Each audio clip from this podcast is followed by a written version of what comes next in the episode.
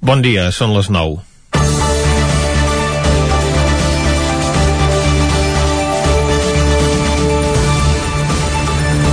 El govern apela a la responsabilitat individual per fer front al rebrot de la Covid-19 que ha provocat la declaració de l'estat d'alarma i l'aplicació del toc de queda, o el seny de lladre, de lladre, com ens recordava ahir que es deia en la nostra llengua Jordi Sunyer.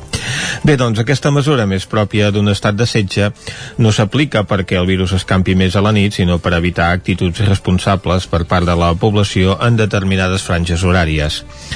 Segur que tots hem vist gent pel carrer sense mascareta o mal col·locada i la policia diu que ha posat moltes multes. Ara bé, a part de la responsabilitat individual de cadascú, també l'administració hi ha de posar a la seva part. En aquest programa es va explicar com s'havia enfadat l'alcaldessa de Camp de Bànol quan va saber que els Mossos havien estat advertits d'un lloc on es feia una botellada el dissabte que s'hagués hagut de celebrar la festa major i els agents van ser permissius amb els concentrats perquè ells també havien estat joves.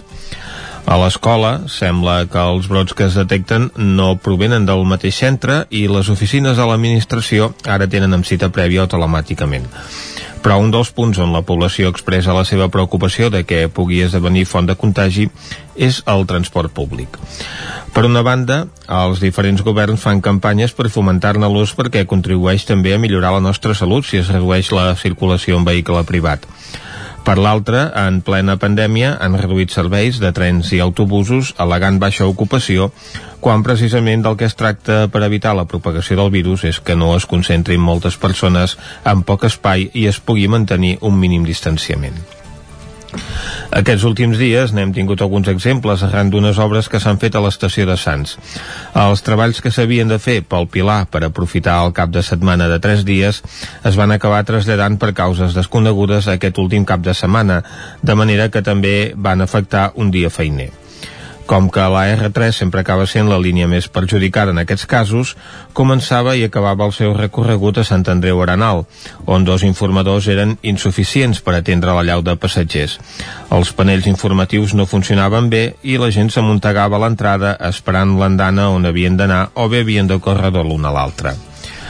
Com que els treballs no van acabar a temps, Ahir alguns trens de la R3 es van tornar a quedar a Sant Andreu Arenal i a les línies R1 i R2 es van suprimir serveis. Sabent amb hores d'antelació que les obres no estarien acabades, també haurien pogut activar un servei alternatiu amb autocar per evitar que els passatgers anessin als trens que sí que van funcionar com llaunes de sardines amb mascareta. I amb aquesta falta de previsió tant fallen el govern de la Generalitat que no intervé com el de l'Estat i la seva inoperància habitual. Si es volen guanyar la confiança i la complicitat dels ciutadans i que compleixin amb les mesures que imposen, que comencin predicant amb l'exemple. Comencem Territori 17, a la sintonia del 9 FM, Ona Corinenca, Ràdio Cardedeu, La Veu de Sant Joan i el 9 TV. Territori 17, amb Vicenç Vigues i Jordi Sunyer.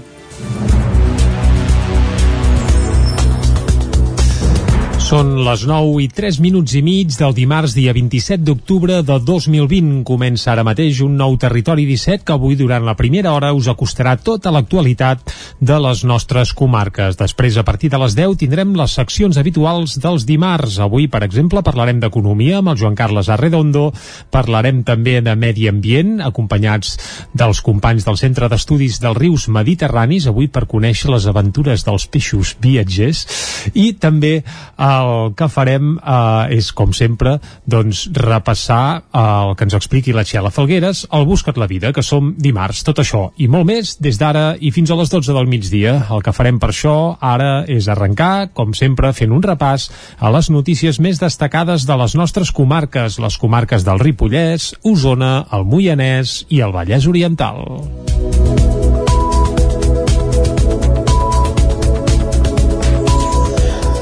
Aquesta passada nit ha estat la segona, amb toc de queda a Catalunya, que prohibeix sortir al carrer entre les 10 de la nit i les 6 del matí. En la primera jornada, la de diumenge a dilluns, la mesura que busca frenar l'avenç de la pandèmia de coronavirus es va aplicar amb caire pedagògic. Ja hi va haver controls policials, tot i que no ha estat fins aquesta nit quan s'han començat a posar sancions d'entre 300 i 6.000 euros. A partir d'ara només es podran moure en la franja nocturna les persones que vagin o tornin de treballar a casos d'emergències mèdiques mèdiques, la compra de medicaments o la cura de persones dependents. No afecta als serveis essencials. Els comerços i les activitats esportives han de finalitzar a les 9 i els bars i restaurants poden fer serveis a domicili fins les 10. Les 10 també és l'hora límit per les activitats culturals. Una de les excepcions permet treure els gossos a passejar a prop de casa de 4 a 6 de la matinada en el cas de les persones que comencin o acabin de treballar just a l'horari límit del toc de queda. El confinament de nit genera opinions diverses entre la ciutadania. Penso que està molt ben fet, perquè així eh, no pateixi tota la gent. I ells mateixos, la joventut també ha de mirar per ells mateixos i per la gent que té a les seves cases, en fi, que jo penso que està bé. Home, sembla que el toc de queda s'havia de fer, no? Esperem que sigui el mínim que hem de fer, no?, de quedar-nos a casa a les nits i no anar de bars ni restaurants i que no ens deixin tancats a casa una altra vegada, no? Que hi ha algun restaurant que la nit allarga fins a les 11, quarts de 12, poder sí, poder, i els caps de setmana. Però el resta de la setmana, si ho coneixem una mica bé tot, els calés, aquesta gent els calés els fan al matí i la tarda. Són mesures que han vingut, suposo perquè durant el, el confinament ho vam entrar molt bé i n'hem sortit molt malament. Penso que no serveix gaire per res, perquè a les nits tampoc hi ha molt moviment. Jo penso que el moviment està més de dia la Generalitat demana un document d'autoresponsabilitat per justificar la mobilitat durant la nit. El govern català veu insuficient el decret d'estat d'alarma de l'executiu de Pedro Sánchez que només els permet fer el confinament nocturn i el tancament de la comunitat autònoma. L'índex de risc de rebrot continua disparat al Ripollès i ja s'acosta als 900 punts. Isaac Muntades, des de la veu de Sant Joan.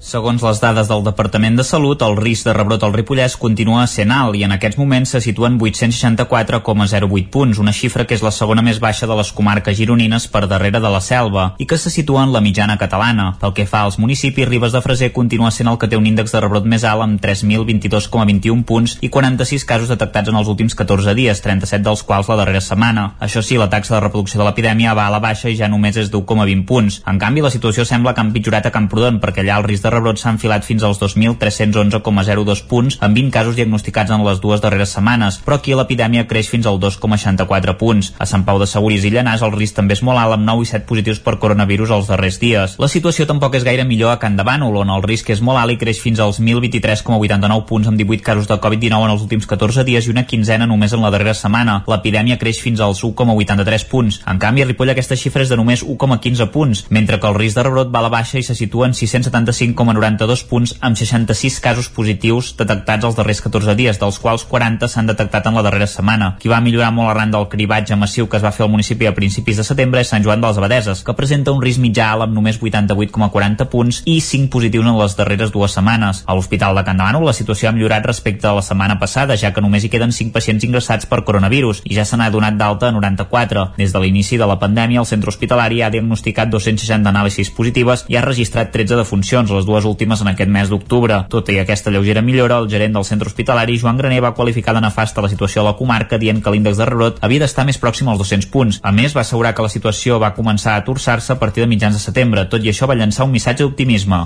Per molt que la, els índexs de la comarca són molt alts, evidentment que diferent que el mes de març o abril de l'any passat, ara es busca molt més i es troben molts casos positius. I aquí a la comarca s'ha incrementat el nombre de casos positius de PCR positiva, però el nombre d'ingressos són en aquest moment 5. O sigui que potser en altra època eh, el mateix nombre de PCRs a lo millor hi hauria molta gent que estaria ingressada, perquè són PCRs de gent que estan asimptomàtics. No, no necessiten ingrés, per això hi ha un gran nombre de PCRs positius, mm. Perquè es van a buscar, però és que a vegades tenim que anar a buscar i a vegades amb alguna cosa eh, anem de tard. René va assegurar que s'ha anat tard a aplicar algunes mesures i que en calen més. També va dir que caldria que hi hagués més personal dedicat a la vigilància per fer complir les normes als ciutadans perquè la gent no faci el que vulgui. A més, el gerent de l'hospital va queixar-se a la tardança a l'hora d'obtenir els resultats dels PCR, un temps d'espera que a vegades s'allarga fins a 48 hores i això endarrereix la intervenció per buscar els contactes estrets i fer els confinaments. Desenes de persones feien cua aquest dilluns al matí a l'exterior de la comissaria de la Policia Nacional de Vic. Una imatge que a partir d'ara es repetirà cada dilluns i que permetrà a persones ja residents obtenir cita prèvia per poder expedir la targeta d'identitat d'estranger, un tràmit que, tot i que amb compte gotes, abans de decretar-se l'estat d'alarma es podia fer per internet. Alexandra Prats, advocada especialitzada en matèries d'estrangeria i immigració, assegura que des del mes de març aquesta problemàtica s'ha accentuat. Denuncia que si que ni, perdoneu, la comissaria de Vic ni cap altra província de Barcelona dona prou cites prèvies. Això, assegura, deixa en una situació de desemparament i d'incertesa a totes aquestes persones que, malgrat haver obtingut el permís de residència sense la targeta física, no poden enviar diners als seus familiars, obrir un compte al banc, viatjar o tramitar l'atur. Prats també denuncia que s'ha acabat generant un mercat negre de cites prèvies. Sí, nosaltres creiem que aquesta cita és una que ha de ser gratis per la persona perquè simplement és per extreure la targeta en físic, només és per obtenir-la físicament i què passa? Com que és tan difícil accedir a aquestes cites o s'ha creat com aquesta dificultat tan gran que el que, el, que és, el que ha alimentat és un mercat negre de venda de cites i la gent acaba pagant des de 100, 200 i no sé quants euros per aconseguir una cita que nosaltres creiem que no, no ha d'haver-hi un lucre darrere d'aquestes cites just perquè la policia no, no n'expedeixi prou per la gent que hi ha que en demana. Prats assegura que aquesta situació també perjudica els lletrats que, com elles, dediquen a l'estrangeria, ja que no poden prestar els seus serveis de forma deguda. Vigues i Riells aprova tres línies de finançament per les activitats econòmiques per l'estat d'alarma. Caral Campàs, des d'Ona Codinenca. A Vigues, la comissió de seguiment del pressupost, formada per tots els grups polítics municipals per fer front de manera conjunta a les conseqüències econòmiques derivades de la pandèmia, ha presentat tres línies d'ajuts per les activitats econòmiques afectades per l'estat d'alarma. Atesa la situació extraordinària global derivada de la irrupció de la pandèmia, el govern local ha constituït una comissió de seguiment que ha impulsat un pla de xoc en el qual proposa, entre d'altres mesures, la creació de noves línies de subvenció per a diversos diversos àmbits i col·lectius. Els ajuts Covid-19 es podran sol·licitar fins al 18 de novembre del 2020 i l'import total destinat a les línies de subvencions és de 24.000 euros. La primera línia d'ajuts és adreçada a activitats econòmiques afectades per l'estat d'alarma, on es destinaran 17.600 euros. Aquest ajut subvencionarà el 25% del rebut de la taxa de residus comercials. La segona línia d'ajuts és aquella adreçada a bars amb terrassa. Aquest ajut subvencionarà destinarà el 100% del rebut de les terrasses per l'ocupació de la via pública amb taules i cadires. El consistori destina 5.250 euros a aquesta línia. Finalment, la última partida d'ajuts és aquella destinada als marxants del mercat setmanal. Aquest ajut subvencionarà el segon trimestre de l'ocupació de la via pública en parades de mercat. El consistori destina 1.150 euros a aquesta línia. L'Ajuntament de Centelles i l'Associació de Galejadors han acordat suspendre la festa del Pi d'aquest any, seguint les recomanacions fetes des del Procicat i davant de la impossibilitat de poder controlar l'aforament, ja que és una festa que plega molt públic. La decisió s'ha traslladat al Departament de Cultura de la Generalitat perquè la celebració va ser declarada declarada d'interès nacional pel govern català. No es descarta al voltant del 30 de desembre un acte cultural i simbòlic d'homenatge a la patrona de Centella, Santa Coloma. Si la situació de l'epidèmia ho permet, aquesta activitat es faria en un espai tancat amb control d'aforament. Sí que es descarten del tot les salves i es realitzaran campanyes perquè les mesures es compleixin. En l'edició de l'any passat, la festa del Pi va estar marcada per l'explosió al campanar que va ferir a nou galejadors, quatre dels quals amb caràcter molt greu. Del patrimoni local conservat al fons del museu, ara se'n pot gaudir una part de l'exposició Cardedeu desaparegut a la planta baixa del Museu Arxiu Tomàs Balvei. David Auladell, de Ràdio Televisió Cardedeu. El llibre de l'historiador local Ricard Gin Jaume s'ha convertit en una exposició amb un diàleg entre les imatges i el fons del museu, tant documental com d'objecte. A partir de la fotografia es mostren els canvis urbanístics, econòmics, socials i culturals que van tenir lloc a Cardedeu des de 1884 fins al 1971. Ricard Ginjaume. La veritat és que ha sigut molt fàcil perquè com el fons del museu és molt variat i té una part així molt costumista d'objectes, era molt fàcil establir doncs, alguns uh, relació entre objectes i fotografies. A més també hi ha una petita vitrina que està dedicada a en Pau Fort, que és com comença el llibre en, el, a la introducció comença amb un fragment que ell escriu dels canvis i transformacions que ha sofert la vila al 1933, que ell publica al diari de la Gralla. L'exposició pretén portar el visitant per un viatge pels carrers i la història de Cardedeu a partir d'imatges antigues del municipi, fetes per Pau Fort amb l'ajuda dels objectes del fons del museu. Marta Núñez, tècnica del Museu Arxiu Tomàs Balvei de Cardedeu. Tots aquests objectes de, del fons del museu nosaltres custodiem, tenim el, el fons Balvei, és un fons molt divers i ens permet treballar molts aspectes de la, de la història de Cardedeu i aquest objecte ens explica històries, la imatge ens les explica, però també una clau, unes arracades, un barret, un, una rajola de carrer, etc. L'exposició ha estat produïda pel Museu de Cardedeu i l'Ajuntament i comissariada per Ricard Ginjaume Closelles, historiador local i autor del llibre, i ha comptat amb la col·laboració de l'editorial Efados. La podreu gaudir fins al 8 de desembre i els que aneu estigueu atents perquè d'entre les fotografies podreu trobar-ne dues d'imatges inèdites que no es troben al llibre. Doncs fins aquí el butlletí informatiu de Territori 17 que us hem ofert amb les veus de Vicenç Vigues, Clàudia Dinarès, David Auladell, Caral Campàs i Isaac Muntades. I ara el que toca és parlar del temps. Es repetiran pedregades com la que va emblanquinar part de la plana de Vic ahir a la tarda? Doncs això ens ho explicarà de seguida el Pep Acosta.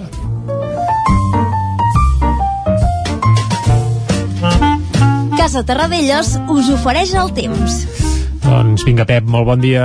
Molt bon dia a tothom. Bon dia, bon dia. Benvinguts a l'Espai del Temps. Gràcies. Què tal esteu? Bé. Espero que tot bé Mm -hmm. i que us hagueu recuperat de les tempestes d'ahir. Oh, déu nhi eh? Jo vaig dir que serien cap a Montseny, uh, Guilleries, i van afectar... Ah, mitja no pensava plana, que eh? afectessin zones tan poblades com el Moianès, com Osona, com també el Vallès. Impressionants tempestes. Mm. Uh, Curb, 39 litres. Uh, Call d'Atenes, 26. O la Batllòria, 12. Només per posar tres exemples d'aquest arc de, arc de tempestes que va afectar això, sobretot a, a l'eix central, sobretot a l'eix central de les nostres comarques, eh? va passar ben bé pel centre de les nostres comarques, va ser una tempesta molt bonica, molt, molt fotografiable, molt fotogènica, i que després De va deixar també unes postes de sol molt maques, molt boniques, va ser realment un dia un dia molt fotogènic pel que fa al, a l'estat del cel. Uh, extraordinàries tempestes però que atenció no es repetiran en molts molts dies. No? també van provocar una forta baixada de les temperatures i s'ha reflectit molt aquesta nit.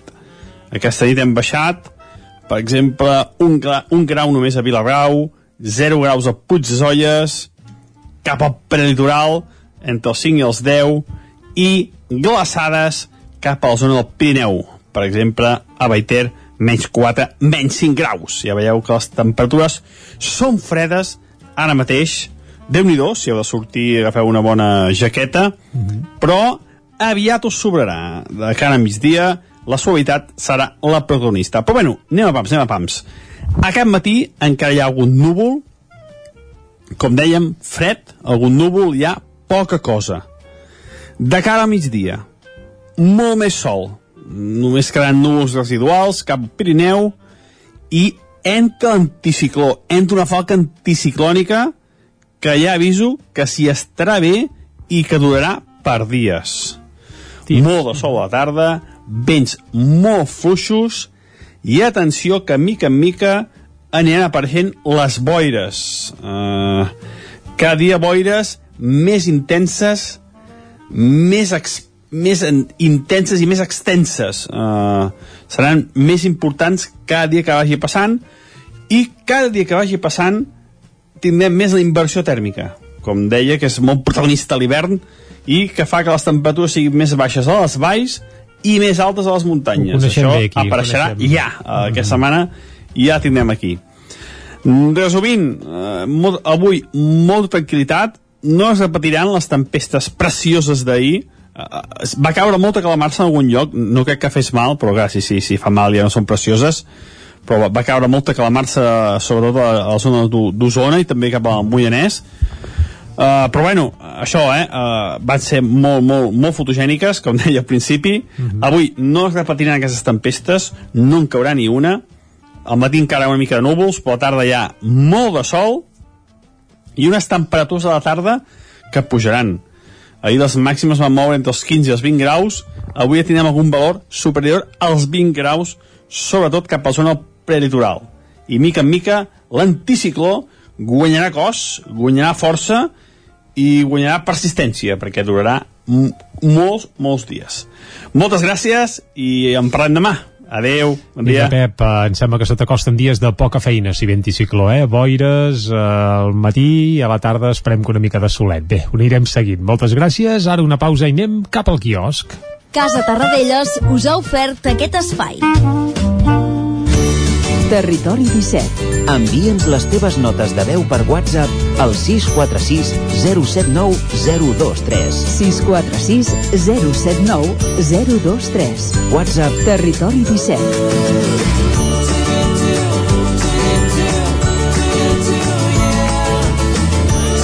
Territori 17. Som a Facebook, Twitter i Instagram amb l'usuari Territori 17.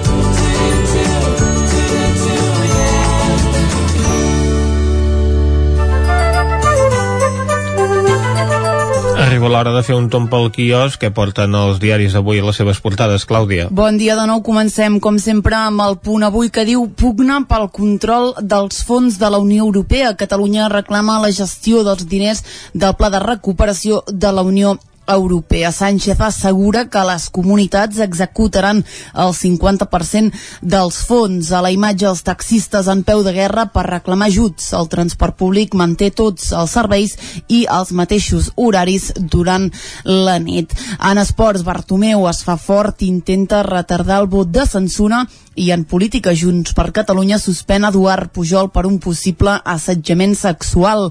El portaveu del grup parlamentari renuncia a l'acte de diputat forçat pel partit que el suspèn cautelarment de militància de forma immediata. Anem al diari Ara que diu el govern estudia el confinament de cap de setmana. Els epidemiòlegs avalen la mesura per evitar el, els contagis socials, però hi ha dubtes legals. Navarra, La Rioja, l'Aragó, Astúries i Euskadi prohibeixen entrar o sortir dels seus territoris. A la imatge, Xile enterra la Constitució de Pinochet. El 76% dels votants a favor d'una nova carta magna en què puguin participar dones, pobles indígenes i també líders socials. Uh, una de les notícies d'avui és uh, que la NASA ha trobat a la Lluna més aigua de la que es pensava que hi havia, es calcula que hi ha 0,350 litres per cada metre cúbic de terra lunar. És una de les notícies, com deia, del dia. En política, com veiem, Junts per Catalunya força Pujol a plegar per denúncies d'assetjament sexual, el partit el suspèn de militància i anima les dones a anar als jutjats i en esports Bartomeu eh, no veu motius per dimitir una notícia que segurament enfadarà els culers. La Junta esperarà saber si el govern autoritza la votació. El periòdico Catalunya sospesa confinar els caps de setmana més de 52.000 contagis de divendres a diumenge, nou rècord registrat a Espanya. Una altra de les notícies del dia és que les comunitats autònomes executaran més del 50% dels fons de la Unió Europea i a la imatge tornem a veure els taxis que reclamen ajuda. Aquí tornem a veure que la Lluna té més aigua del que es creia fins ara. A l'avantguàrdia, els experts advoquen per un confinament total de 15 dies a Catalunya. El govern sospesa sol·licitar l'ampliació de l'alarma per decretar el tancament domiciliari amb escoles obertes o bé només als caps de setmana. Els empresaris, per la seva banda, demanen un estat d'alarma curt i els sindicats més mesures socials. La NASA confirma l'existència d'aigua a la Lluna. Sánchez treballa, eh, trasllada, perdoneu, a les autonomies la gestió del 50% dels fons europeus i Bartomeu rebutja dimitir i convocar la votació. Anem a veure què treuen en portada els diaris de Madrid. Comencem, com sempre, amb el país, que diu cinc comunitats es confinen a l'accelerar-se els casos de Covid-19. Al País Basc, Astúries i Aragó se sumen a Navarra i La Rioja en el tancament. Les autonomies apliquen de forma dispar la restricció de la mobilitat. A la imatge, com veiem, Xile enterra la Constitució de Pinochet. Uh, una altra de les notícies notícies que apareix avui a la portada del país és que països musulmans boicotegen França pel seu plan antiislamista i la duració de l'estat d'alarma enfronta el govern amb el Partit Popular. Anem avançant, anem al Mundo que diu els juristes rebutgen l'alarma de Sánchez per desproporcionada. Casado ofereix donar suport a un plaç de dos mesos, però Sánchez insisteix en que duri fins al mes de maig. A la imatge diu Europa està amb vosaltres. Ursula von der Leyen va participar ahir des de Brussel·les a la conferència de presidents autonòmics en la que Pedro Sánchez va anunciar que gestionaran la meitat dels fons que arribin de la Unió Europea. Una dada, Espanya serà l'únic país de l'eurozona que pujarà els impostos. Aquí tornem a veure a Villarejo, que diu va espiar la mà dreta de Sainz de Santa Maria i alerta perquè avui Thomas Friedman, Premi Pulitzer, alerta si guanya Trump hi haurà una guerra civil de baixa intensitat als Estats Units. A la Razón Iglesias s'imposa, el govern recularà el preu dels lloguers. Qui apareix a la imatge de la portada és el líder del Partit Popular, eh, Pablo Casado, que diu oposició i socis rebutgen l'estat d'alarma de sis mesos. Casado ofereix el seu suport a vuit setmanes i reformar la llei de salut pública. Una última notícia de la Razón, Illa no ha tancat encara la macrocompra de material en plena segona onada. I finalment, com sempre, acabem amb l'ABC, obre amb una imatge de la Lluna, diu sí, hi ha aigua a la Lluna. La NASA confirma la trobada inequívoca i en quantitat suficient per abastir a futures colònies. Pel que fa a l'estat d'alarma, empresaris, juristes i oposició contra l'estat d'alarma de Sánchez. La COE qualifica de barbaritat frenar l'economia sis mesos i demana més ajudes públiques. Els juristes, per la seva banda, veuen il·legal que l'executiu delegui a les autonomies quan la pandèmia, diuen, és nacional. El govern, per la seva banda, rebutja l'oferta del Partit Popular. Vuit setmanes d'estat d'alarma i reformes legals abans de Nadal. A l'ABC han trobat fins i tot un llac d'aigua a la Lluna. Exacte. En canvi, eh, si ens fixem en els diaris de Barcelona, doncs eh, tres d'ells apareixen amb la mateixa fotografia de portada, que és aquesta protesta d'ahir del sector del taxi, menys el diari Ara, que ens ofereix imatges de la celebració del resultat del referèndum a Xile, igual que al país. Hem fet una ullada a les portades dels diaris d'avui, ara fem una pausa i tornem tot seguit.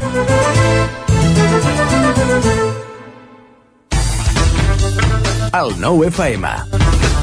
La ràdio de casa al 92.8. Vols trencar amb l'oligopoli de l'IBEX 35? Apunta't al consum estratègic i comença a consumir serveis catalans. Per això et convidem a omplir el dipòsit a Petrolis Independents. A Osona ens trobaràs al polígon Mas Galí de Vic i a Centelles just després de la sortida sud. Si vols factura, entra a la nostra pàgina web petrolisindependents.cat i dona't d'alta. Comença a ser independent. Tenim la força de l'amor. Les bones decisions tenen premi. I és que si té una caldera Vaillant, està d'enhorabona. Vaillant li ofereix fins a 15 anys de cobertura total, amb la revisió obligatòria inclosa. Informis a Oficiat Nord trucant al 93 886 0040. Amb el servei tècnic oficial de Vaillant, la seva caldera estarà en les millors mans. Cocodril Club. Si t'agrada la bona música dels anys 60, 70 i 80, escolta el 9 FM els matins de dissabtes i diumenges d'11 a 1. És el temps del Cocodril Club, tot un clàssic de la ràdio, amb les bases del pop-rock, les llegendes, les cançons que s'han convertit en autèntics himnes. Recorda, dissabtes i diumenges al matí, d'11 a 1, al 9 FM 92.8. Cocodril Club, el programa revival de l'Albert Malla. Hasta luego, cocodrilo. Cobertes serveis funeraris. Els nostres tanatoris estan ubicats en els nuclis urbans més poblats de la comarca d'Osona per oferir un millor servei. Tanatori de Vic, Tanatori de Manlleu, Tanatori de Centelles i Tanatori de Roda de Ter. Sabem que són moments difícils i per això el nostre compromís és atendre-us en tot moment amb un tracte humà, sensible i respectuós. Cobertes serveis funeraris. Telèfon 24 hores 93 883 23 46. Quan vulguis abraçar la teva amiga, cap fred. Quan tinguis una reunió de feina, cap fred. Quan vagis a veure el teu avi, cap fred. Extremeu les mesures de seguretat. Recordeu, distància, mascareta, rentat de mans i reducció de l'activitat social. Cuidem el que som. Generalitat de Catalunya. 7 milions i mig de futurs. Cada territori té un atractiu o més d'un. El fruit, el paisatge, la seva gent, les pedres... Camins de l'Eix. Descobrint el capital de terra endins. Camins de l'Eix. Dissabte a les 9 del vespre al 9 TV. Aquesta setmana, al Lluçanès. Amb el suport de la Generalitat de Catalunya. 7 milions i mig de futurs. La ràdio de casa al 92.8. El 9 FM.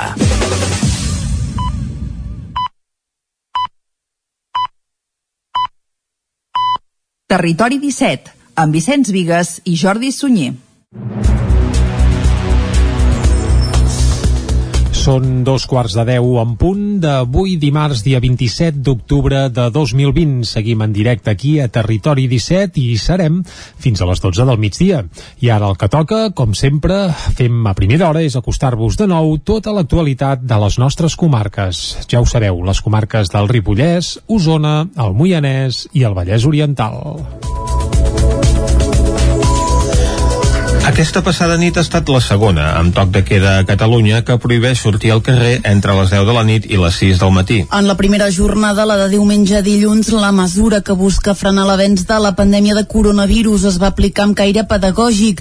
Ja hi va haver controls policials, tot i que no ha estat fins aquesta nit quan s'han començat a posar sancions d'entre 300 i 6.000 euros.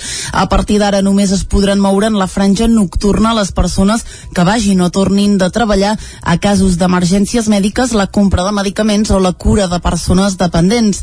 No afecta als serveis essencials. Els comerços i les activitats esportives han de finalitzar a les 9 i els bars i restaurants poden fer serveis a domicili fins les 10. Les 10 també és l'hora límit per les activitats culturals. Una de les excepcions permet treure els gossos a passejar a prop de casa de 4 a 6 de la matinada en el cas de les persones que comencin o acabin de treballar just a l'horari límit del toc de queda. El confinament de nit genera opinions diverses entre la ciutadania. Penso que està molt ben fet, perquè així eh, no pateixi tota la gent. I ells mateixos, la joventut també ha de mirar per ells mateixos i per la gent que té a les seves cases, en fi, que jo penso que està bé. Home, sembla que el toc de queda s'havia de fer, no? Esperem que sigui el mínim que hem de fer, no?, de quedar-nos a casa a les nits i no anar de bars ni a restaurants i que no ens deixin tancats a casa una altra vegada, no? Que hi ha algun restaurant que la nit allarga fins a les 11 quarts de 12, poder sí, poder, i els caps de setmana. Però el resta de la setmana, si ho coneixem una mica bé tot, els calés, aquesta gent els calés els fan al matí i la tarda. Són mesures que han vingut, suposo perquè durant el, el confinament ho vam entrar molt bé i n'hem sortit molt malament. Penso que no serveix gaire per res, perquè a les nits tampoc hi ha molt moviment. Jo penso que el moviment està més de dia la Generalitat demana un document d'autoresponsabilitat per justificar la mobilitat durant la nit. El govern català veu insuficient el decret d'estat d'alarma de l'executiu de Pedro Sánchez que només els permet fer el confinament nocturn i el tancament de la comunitat autònoma. L'índex de risc de rebrot continua disparat al Ripollès i ja s'acosta als 900 punts. Isaac Muntades, des de la veu de Sant Joan.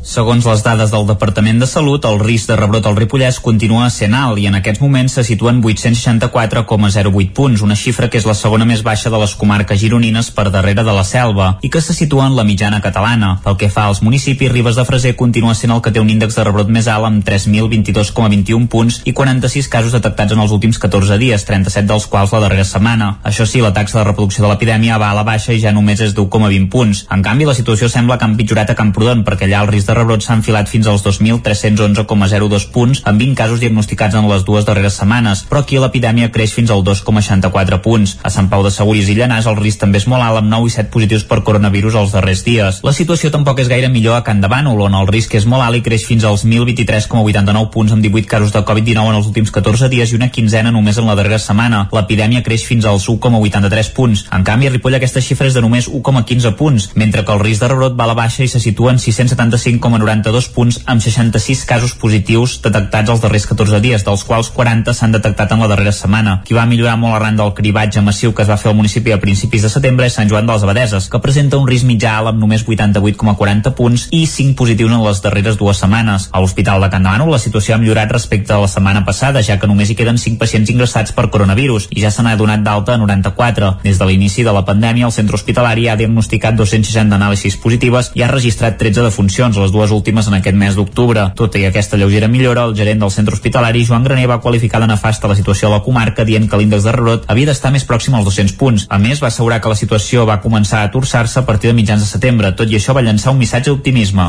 Per molt que la, els índexs de la comarca són molt alts, evidentment que diferent que el mes de març o abril de l'any passat, ara es busca molt més i es troben molts casos positius. I aquí a la comarca s'ha incrementat el nombre de casos positius de PCR positiva, però el nombre d'ingressos són en aquest moment 5. O sigui que potser en altra època eh, el mateix nombre de PCRs a lo millor hi hauria molta gent que estaria ingressada, perquè són PCRs de gent que estan asimptomàtics. No, no necessiten ingrés, per això hi ha un gran nombre de PCRs positius, perquè es van a buscar, però és que a vegades tenim que anar a buscar i a vegades amb alguna cosa eh, anem de tard. Graner va assegurar que s'ha anat tard a aplicar algunes mesures i que en calen més. També va dir que caldria que hi hagués més personal dedicat a la vigilància per fer complir les normes als ciutadans perquè la gent no faci el que vulgui. A més, el gerent de l'hospital va queixar-se de la tardança a l'hora d'obtenir els resultats dels PCR, un temps d'espera que a vegades s'allarga fins a 48 hores i això endarrereix la intervenció per buscar els contactes estrets i fer els confinaments.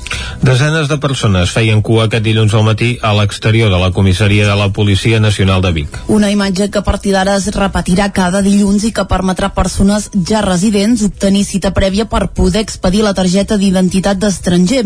Un tràmit que, tot i que amb compte gotes, abans de decretar-se l'estat d'alarma es podia fer per internet. Alexandra Prats, advocada especialitzada en matèries d'estrangeria i immigració, assegura que des del mes de març aquesta problemàtica s'ha accentuat. Denuncia que si que ni, perdoneu, la comissaria de Vic ni cap altra província de Barcelona dona prou cites prèvies. Això, assegura, deixa en una situació de desemparament i d'incertesa a totes aquestes persones que, malgrat haver obtingut el permís de residència sense la targeta física, no poden enviar diners als seus familiars, obrir un compte al banc, viatjar o tramitar l'atur. Prats també denuncia que s'ha acabat generant un mercat negre de cites prèvies.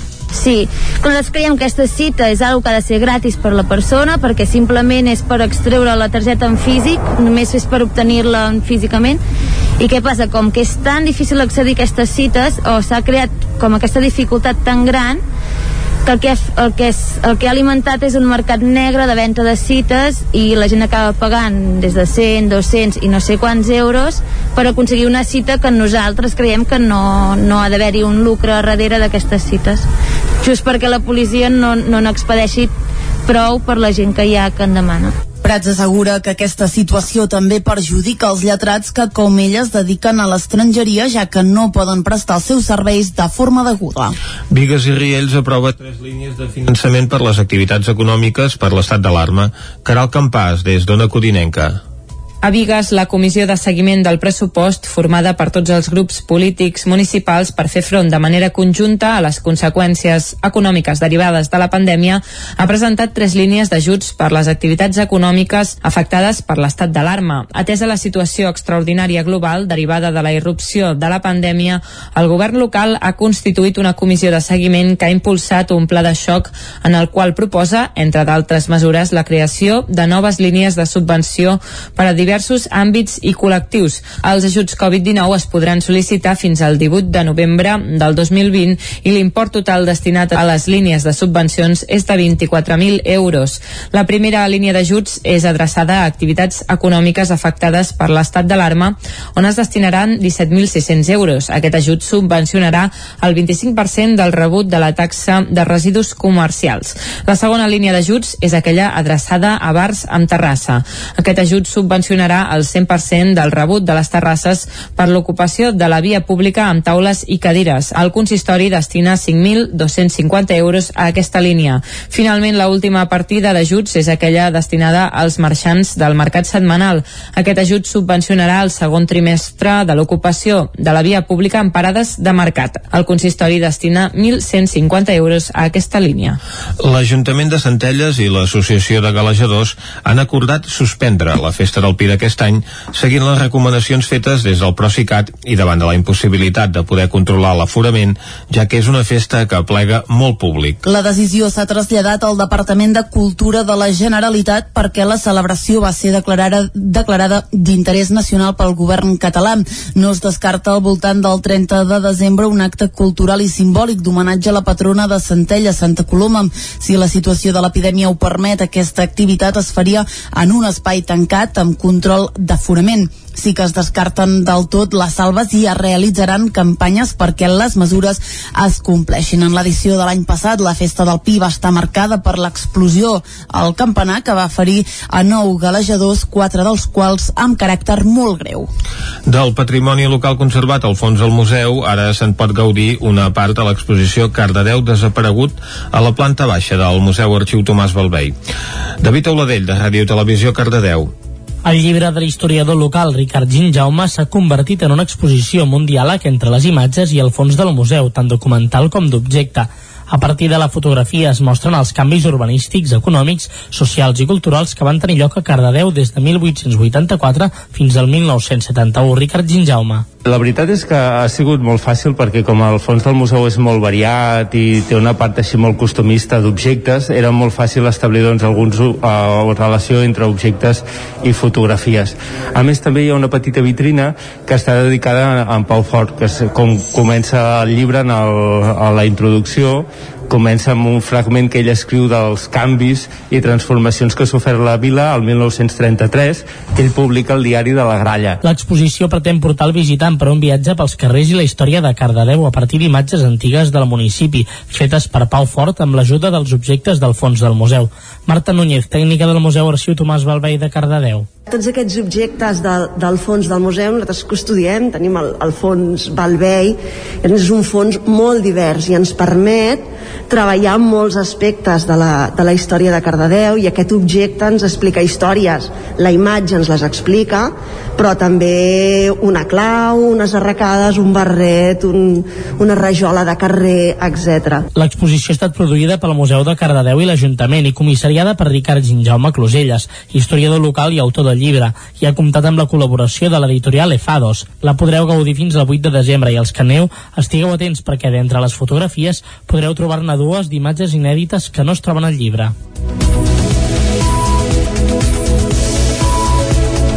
Doncs fins aquí el butlletí informatiu de Territori 17 que us hem ofert amb les veus de Vicenç Vigues, Clàudia Dinarès, David Auladell, Caral Campàs i Isaac Muntades.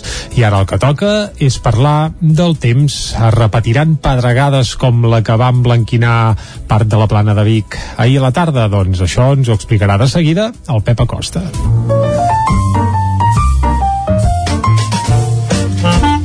Casa Terradellos us ofereix el temps.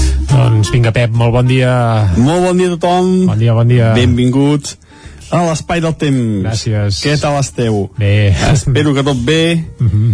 i que us hagueu recuperat de les tempestes d'ahir. Oh, déu nhi eh? Jo vaig dir que serien cap a Montseny, uh, Guilleries, i van afectar... Ah, mitja no pensava plaga, que eh? afectessin zones tan poblades com el Mollanès, com Osona, com també el Vallès. Impressionants tempestes, Mhm. mm -hmm. uh, Gurb, 39 litres, uh, Call d'Atenes, 26, o la Batllòria, 12, només per posar tres exemples d'aquest arc de, arc de tempestes que va afectar això, sobretot a, a l'eix central, sobretot a l'eix central de les nostres comarques, eh? va passar ben bé pel centre de les nostres comarques, va ser una tempesta molt bonica, molt, molt fotografiable, molt fotogènica, i que després De va deixar t'agraden. també unes postes de sol molt maques, molt boniques, va ser realment un dia un dia molt fotogènic pel que fa al, a l'estat del cel. Uh, extraordinàries tempestes però que atenció no es repetiran en molts molts dies. No? també van provocar una forta baixada de les temperatures i s'ha reflectit molt aquesta nit. Aquesta nit hem baixat per exemple un, gra, un grau només a Vilabrau 0 graus a Puig de Zolles cap al prelitoral entre els 5 i els 10 i glaçades cap a la zona del Pirineu. Per exemple a Baiter menys 4, menys 5 graus. Ja veieu que les temperatures són fredes ara mateix. Déu nhi si heu de sortir agafeu una bona jaqueta. Mm -hmm. però aviat us sobrarà. De cara a migdia la suavitat serà la protagonista. Però bueno, anem a pams, anem a pams. Aquest matí encara hi ha algun núvol. Com dèiem, fred algun núvol, hi ha poca cosa. De cara a migdia molt més sol. Només quedaran núvols residuals cap al Pirineu i entra l'anticicló entra una falca anticiclònica que ja aviso que s'hi estarà bé i que durarà per dies. Sí. molt de sol a la tarda vents molt fluixos i atenció que mica en mica aniran apareixent les boires. Uh, cada dia boires més intenses més exp més intenses i més extenses. Uh, seran més importants cada dia que vagi passant i cada dia que vagi passant tindrem més la inversió tèrmica. Com deia que és molt protagonista l'hivern i que fa que les temperatures siguin més baixes a les valls i més altes a les muntanyes. Això aquí, apareixerà ja uh, aquesta setmana i ja tindrem aquí. Resumint uh, molt, avui molta tranquil·litat no es repetiran les tempestes precioses d'ahir. Uh, va caure molta calamarsa en algun lloc no crec que fes mal, però clar, si, si, si fa mal ja no són precioses però va caure molta calamarsa sobretot a, a la zona d'Osona i també cap al Moianès uh, però bueno, això eh, uh, van ser molt, molt, molt fotogèniques com deia al principi uh mhm. -huh. avui no es repetiran aquestes tempestes no en caurà ni una al matí encara una mica de núvols però a la tarda hi ha molt de sol i unes temperatures a la tarda que pujaran Ahir les màximes van moure entre els 15 i els 20 graus. Avui ja tindrem algun valor superior als 20 graus, sobretot cap a la zona prelitoral. I mica en mica l'anticicló guanyarà cos, guanyarà força i guanyarà persistència, perquè durarà molts, molts dies. Moltes gràcies i en parlem demà. Adeu, bon dia. Vinga, Pep, eh, em sembla que se t'acosten dies de poca feina, si ve anticicló, eh? Boires, eh, al matí i a la tarda esperem que una mica de solet. Bé, ho anirem seguint. Moltes gràcies, ara una pausa i anem cap al quiosc. Casa Tarradellas us ha ofert aquest espai. Territori 17. Envia'ns les teves notes de veu per WhatsApp al 646 079 023. 646 079 023. WhatsApp Territori 17.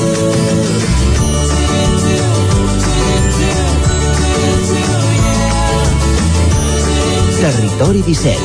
Som a Facebook, Twitter i Instagram amb l'usuari Territori 17.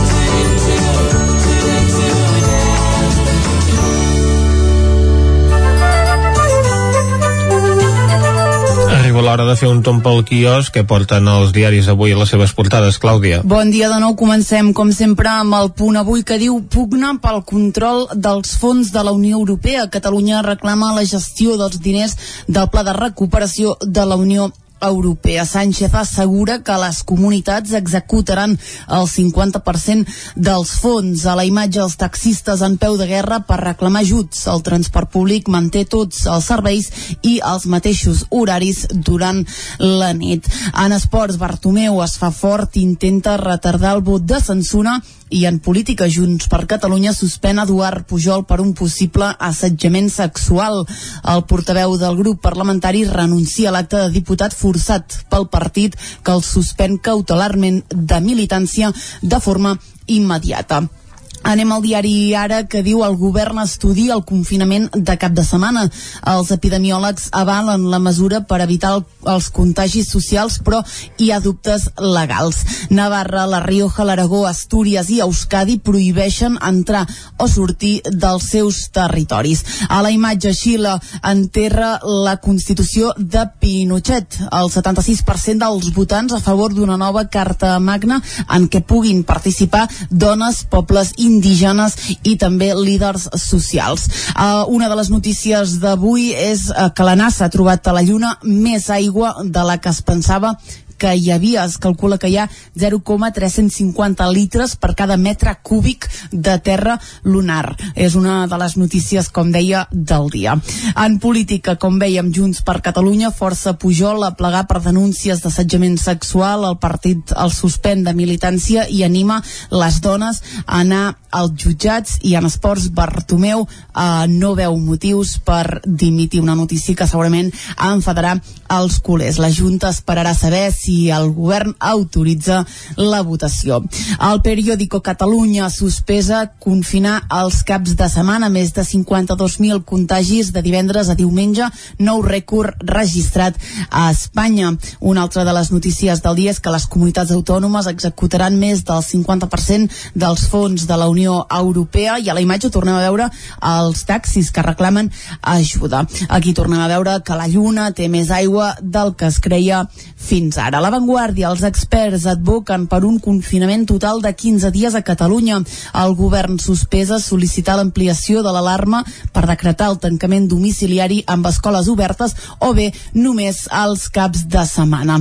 Els empresaris, per la seva banda, demanen un estat d'alarma curt i els sindicats més mesures socials. La NASA confirma l'existència d'aigua a la Lluna. Sánchez treballa, eh, trasllada, perdoneu, a les autonomies la gestió del 50% dels fons europeus i Bartomeu rebutja dimitir i convocar la votació. Anem a veure què treuen en portada els diaris de Madrid. Comencem, com sempre, amb el país, que diu cinc comunitats es confinen a l'accelerar-se els casos de Covid-19. El País Basc, Astúries i Aragó se sumen a Navarra i La Rioja en el tancament. Les autonomies apliquen de forma dispar la restricció de la mobilitat. A la imatge, com veiem, Xile enterra la Constitució de Pinochet. Uh, una altra de les notícies que apareix avui a la portada del país és que països musulmans boicotegen França pel seu plan antiislamista i la duració de l'estat d'alarma enfronta el govern amb el Partit Popular. Anem avançant, anem al Mundo que diu els juristes rebutgen l'alarma de Sánchez per desproporcionada. Casado ofereix donar suport a un plaç de dos mesos, però Sánchez insisteix en que duri fins al mes de maig.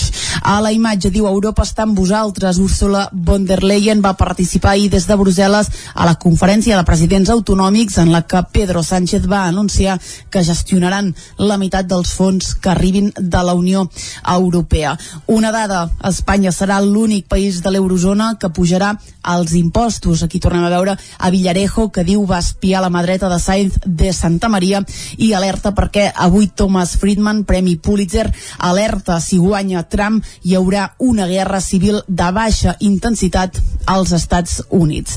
A la raó Iglesias s'imposa, el govern recularà el preu dels lloguers. Qui apareix a la imatge de la portada és el líder del Partit Popular, eh, Pablo Casado, que diu oposició i socis rebutgen l'estat d'alarma de sis mesos. Casado ofereix el seu suport a vuit setmanes i reformar la llei de salut pública. Una última notícia de la Razón, Illa no ha tancat encara la macrocompra de material en plena segona onada. I finalment, com sempre, acabem amb l'ABC, que obre amb una imatge de la Lluna, diu sí, hi ha aigua a la Lluna. La NASA confirma la trobada inequívoca i en quantitat suficient per abastir a futures colònies. Pel que fa a l'estat d'alarma, empresaris, juristes i oposició contra l'estat d'alarma de Sánchez. La COE qualifica de barbaritat frenar l'economia sis mesos i demana més ajudes públiques. Els juristes, per la seva banda, veuen il·legal que l'executiu delegui a les autonomies quan la pandèmia, diuen, és nacional. El govern, per la seva banda, rebutja l'oferta del Partit Popular. Vuit setmanes d'estat d'alarma i reformes legals abans de Nadal. A l'ABC han trobat fins i tot un llac d'aigua a la Lluna. Exacte. En canvi, eh, si ens fixem en els diaris de Barcelona, doncs eh, tres d'ells apareixen amb la mateixa fotografia de portada, que és aquesta protesta d'ahir del sector del taxi, menys el diari Ara, que ens ofereix imatges de la celebració del resultat del referèndum a Xile, igual que al país. Molt bé, doncs, Vicenç, un cop fet el repàs a les portades dels diaris d'avui, arriba el moment de fer un repàs musical i avui tenim un parell d'estrenes. A veure. De patums de l'escena catalana uh -huh. que estan esmolant les eines. Uh, ara això es fa molt, eh? Abans no era gaire habitual, però ara sí. Tu dius, trauré un disc, val, i mig any abans deixes anar algun single, vas uh, això fent escalfar motors, i això és el que han fet uh, dos dels grups de més renom de l'escena catalana uh, i avui estrenarem un parell d'aquests uh, vaja, d'aquests singles Mhm. d'escalfament de motors eh? el primer és dels Buos que aquest grup uh, bé, és conegudíssim però aquest estiu ha estat super d'actualitat més que res perquè els Stay Homes que són Mhm. evidentment la banda del confinament doncs estan formada, vaja, dels tres músics que hi ha als Stay Homes, dos són de Buos Mhm. i clar, evidentment ara potser tenen més ressò i renom com a Stay Homes que no pas com a Buos, però com que tot, tothom ve d'on ve, doncs, eh, doncs res, alegria. Com els buos ara mateix Ah. Tenen malament per poder actuar. Sí, també és cert, però vaja, uh, de moment el que han anunciat els Buos és que d'aquí un mes llarg treuen nou disc uh, i per anar escalfant motors han donat a conèixer una primera peça que es diu Mil batalles. Si et sembla, l'escoltarem Uh, i per cert, evidentment hi ha els dos stay homes, eh? és a dir, no han fet allò de No dir, bueno, com que ara triomfo tant amb els stay homes, deixem els bus, no sé què, no, no, no, no. Ells fidels uh, als seus orígens, doncs continuen formant part d'aquesta formació que lidera un fan de l'hoquei patins, com és el Guillem Soler, uh, diem que és fan de l'hoquei patins perquè bé, uh, feia les retransmissions mm, dels partits del Vendrell i ara és el- l'speaker que s'encarrega de manitzar els partits d'hoquei patins al Palau Blaugrana. Bé, ara no ho sé, perquè ara mateix ja, No ja ha no sé, però animar, no? almenys la temporada passada, fins que hi havia partits convencionals, doncs l'speaker del Barça d'hoquei patins era el Guillem Soler. Guillem Soler, cantant de Buos, que ha estat un any... Eh, els Buos és molt curiós, eh? Perquè mm, fa...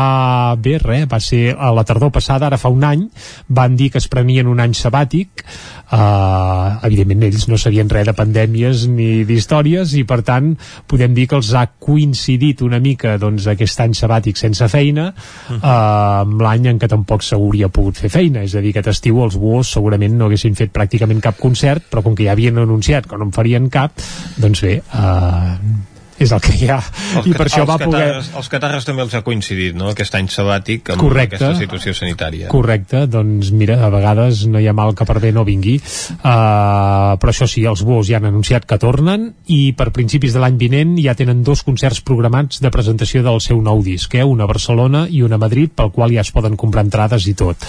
Es podran fer aquests concerts Bé, ara mateix fa de tant mal dir que, que ja no ens aventurem a, a afirmar res, però vaja, esperem, A esperem les 7 que de la tarda i tots asseguts, potser sí. Bé, en el cas d'un concert de Buos no sé si, si seria el més recomanable però vaja, sigui com sigui el que de moment ja hi ha és Mil Batalles que és el primer single del que serà el nou disc de Buos aquest primer single es va donar a conèixer aquest cap de setmana i nosaltres ara l'escoltarem uh, sencer aquí a Territori 17 sí, Vicenç? Escoltem-lo. Doncs vinga, així sona el més nou de Buos Mil Batalles Anem-hi Per molt que mori i torni a néixer, cremaria set vides per tornar-te a conèixer. Puc perdre mil batalles si guanyem junts la guerra.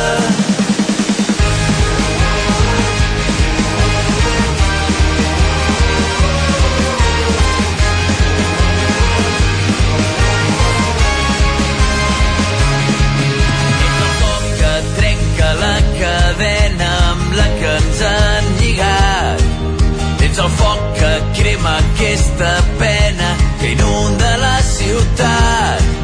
I ara el cor batega tan fort que la fe s'esgota. Sense tu aquest any és una derrota.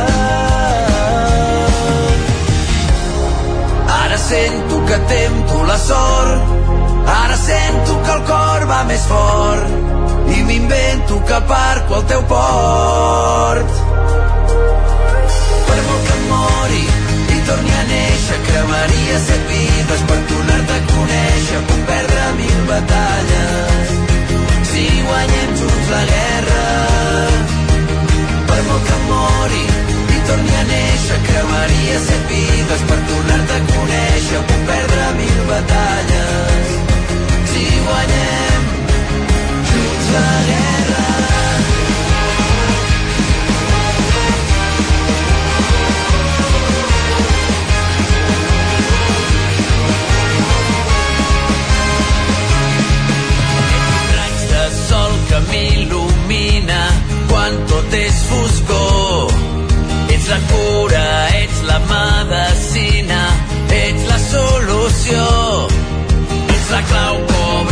tau amb una mirada.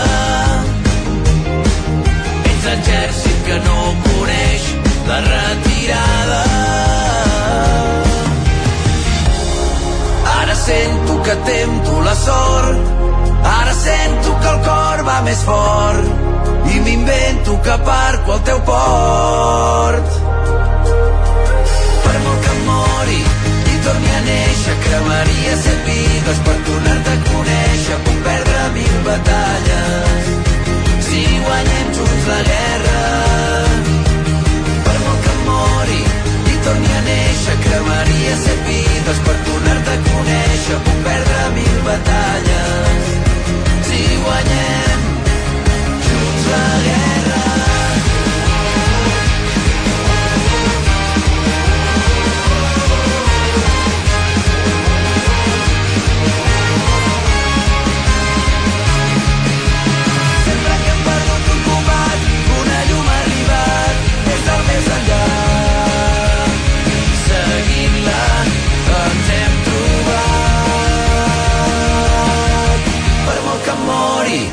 torni a néixer, cremaria set vides per tornar-te a conèixer. Puc perdre mil batalles. Torna de les nostres comarques, les comarques Ripollès, Osona, el Bonès i el Vallès Oriental. Aquest cap de setmana s'ha començat a aplicar la regulació de trànsit va aprovar en el marc del Procicat, amb la idea de restringir l'espai protegit del Montseny. Lluny de les imatges de les últimes setmanes, aquest cap de setmana es reduir molt la presència de visitants a l'espai protegit del Montseny. Aquest era precisament l'objectiu de regulació de trànsit que es va aprovar en el marc del Procicat. Al bull aquest diumenge, de quarts de nou matí, ja penjaven el carrer de complet aparcament. Tot el mimós d'esquadra, forestals i guardes del parc van controlar l'accés a l'aparcament, un servei del qual fa reixir l'alcalde del Brull espera prescindir aviat, però és conscient que s'haurà de fer molta pedagogia. perquè han d'entendre que no podem tenir aquí Mossos d'Esquadra, guardes forestals, guardes del parc, no ho podem arribar a tenir, hem de tenir un lletrero que digui complert, complert vol dir complert. Habitualment a la tardor és que n'hi ha més fluència de gent al parc. Aquest any, però, doncs dos Rodríguez, guarda forestal del Montseny, la penya que s'hagi allargat en el temps. a fer la gent canvi les seves excursions o visites i venen molta més gent al parc. Visitants, aquest diumenge n'hi havia de diferents punts del territori. Venimos de, de Ripollet y íbamos al, a Matagalls i el cotxe aquí mateix. Venim de Barcelona, bueno, a veure si ens podia donar una mica l'aire perquè amb tot això de la Covid, pues, com tothom suposo que estem al de la Coll Baix i he vingut a passar el matí al Parc Natural del Montseny a fer de, de quart muntanya Qui també va ser al Brull aquest cap de setmana va ser la presidenta de la Diputació de Barcelona, Núria Marín, que va voler comprovar de primera mà com estava funcionant el dispositiu.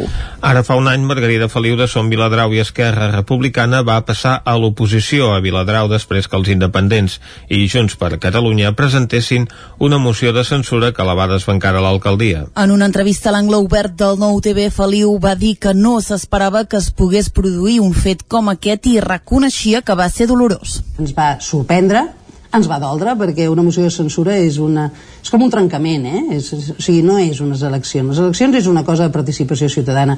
Una moció de censura és una fissura, és un trencament, és com si trenquessis un os, no?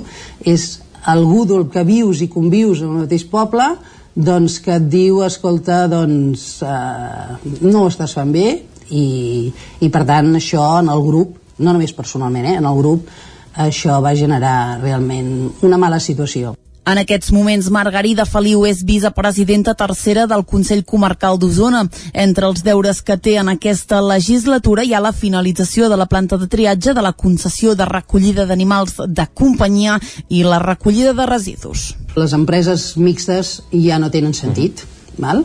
Per tant, la gestió ha de ser una gestió molt més directa des del Consell Comarcal, val? una gestió directa, diguem-ne, ara, amb aquesta gestió directa, per entendre'ns, vol dir no, no, no, no donar mm, la concessió a algú i després, del cap de 4 anys, anar a veure què passa. Durant l'entrevista, Feliu també va assegurar que després de la moció, arribar al Consell Comarcal d'Osona li va ser de gran ajuda. Una espectacular tempesta acompanyada de calamarsa va creuar aquest dilluns a la tarda a Osona, especialment al centre de la comarca. Carrers i carreteres van quedar emblanquinades per la pedra que va caure de forma intensa i en molt poca estona. Segons el Servei Meteorològic de Catalunya, al GURB s'hi van acumular 18,7 litres per metre quadrat en poc més de 30 minuts. D'altra banda, segons la xarxa usonenca Meteo Osona, Call d'Atenes amb 30 litres va ser el punt on s'hauria acumulat més precipitació seguit de Gurb, Viladrau amb 18,8 litres i Sant Julià, on se'n van recollir 18. Les xarxes socials es van omplir de vídeos i fotografies amb els carrers emblanquinats i amb retencions a les carreteres. Ripoll prepara el cementiri per l'arribada de Tots Sants aquest pròxim diumenge. Isaac Muntades, des de la veu de Sant Joan. El cementiri de Ripoll ja està a punt per rebre visitants en aquests pròxims dies i sobretot durant la diada de Tots Sants el pròxim diumenge dia 1 de novembre. Àltima, que és l'empresa que gestiona el cementiri de Ripoll, ha implantat diverses mesures de prevenció per protegir els visitants de possibles contagis. En primer lloc, es controlaran les entrades i sortides del cementiri i es reforçarà la senyalització per evitar aglomeracions. L'ús de la mascareta serà obligatori i s'haurà de respectar la distància mínima interpersonal de seguretat en tot moment i rentar-se les mans, especialment abans i després de l'ús d'elements com escales d'accés a nínxols o fonts. Des d'Àltima també recomanen limitar el temps d'estada al cementiri al voltant d'uns 20 minuts i en grups màxims de 6 persones. A més, els recintes reforçaran la freqüència de la neteja durant aquests dies i disposaran de punts de gel hidroalcohòlic. Finalment, en els actes públics previstos es controlarà l'aforament que es limitarà al màxim permès en cada cas. A través de les pàgines web d'Àltima i Roques Blanques, el dia de Tots Sants es farà una retransmissió via telemàtica de dues cerimònies, una de religiosa i una de laica en homenatge als difunts. A Ripoll hi ha la previsió que hi passin uns 1.800 visitants de forma forma esglaonada en aquesta setmana prèvia a Tots Sants i en les posteriors, i evidentment el mateix dia de la celebració. L'horari per entrar al cementiri és de 9 del matí a 6 de la tarda i hi haurà activitats especials amb aforament limitat. El dia de Tots Sants hi haurà música al cementiri al llarg del dia, mentre que l'endemà es farà una missa en record als difunts, a les 10 del matí a la capella del cementiri. També en aquest espai, a dos quarts de 5 de la tarda, es farà una pregària al rest del Rosari. Enguany, Altima ha fet diverses obres de millora al cementiri, com per exemple la construcció d'una nova zona per escampar cendres, la instal·lació de 17 nous contenidors d'escombraries i 3 nous bancs. Neix la Borsa de Voluntariat de Vigues i Riells al FAI, una nova eina digital per crear sinergies entre persones i entitats al municipi. Caral Campàs, des d'Ona Codinenca. Vigues ha posat en marxa la borsa de voluntariat de Vigues i Riells del FAI. A partir d'aquesta setmana ja és accessible la nova plataforma digital del web de l'Ajuntament de Vigues i Riells, pensada per connectar persones amb necessitats i gent que ofereixi el seu temps. La borsa és un espai web en què apareixen dues columnes amb oferiments i necessitats, és a dir, que s'hi pot inscriure qualsevol persona o entitat del municipi que tingui una oferta o bé una demanda de voluntariat. Per exemple, una persona que tingués coneixements de costura i volgués col·laborar amb alguna entitat teatral ho podria fer saber a través d'aquest portal. De la mateixa manera, una entitat que necessités un reforç en alguna de les seves activitats ho podria publicar a la borsa. Marga Fontcoberta, regidora de Participació Ciutadana i de Noves Tecnologies, ha explicat l'objectiu de la nova eina. Donar a conèixer tota la tasca ingent que fan persones i voluntaris d'aquest municipi i també doncs, afavorir que hi hagi una, eh, un espai on la gent que no té aquesta xarxa informal de contactes doncs sàpiga on adreçar-se doncs, per poder doncs, eh, buscar voluntariat o oferir-se com a voluntari o voluntària. La llavor d'aquesta borsa ve del mandat anterior, on ja des de la regidoria de serveis socials es va detectar la necessitat d'oferir un punt on es recollís tot el voluntariat de la població per poder crear sinergies i punts d'unió. La companyia Esclar que sí, Teatre de Cardedeu, ha estrenat aquest cap de setmana Tota la meva intimitat, una obra del dramaturg nord-americà Rashid Joseph, traduïda al català per el cardedeuenc Pep Duran, i en poesia de l'escriptòria Núria Busquet. David Oladell, de Ràdio Televisió Cardedeu. Antí Green és un poeta d'èxit, però la seva vida es torna un caos complet quan se'n van al llit amb tres dones diferents, la Beca, la Maureen i la Jen, i les deixa totes tres embrassades. A l'escenari un divan i a l'entrada el Tigrin donant la benvinguda al públic que ha vingut per escoltar tots els seus temors. Així comença tota la meva intimitat, una obra que fascina en Pep Duran i per això va decidir traduir-la i compartir-la amb la companyia.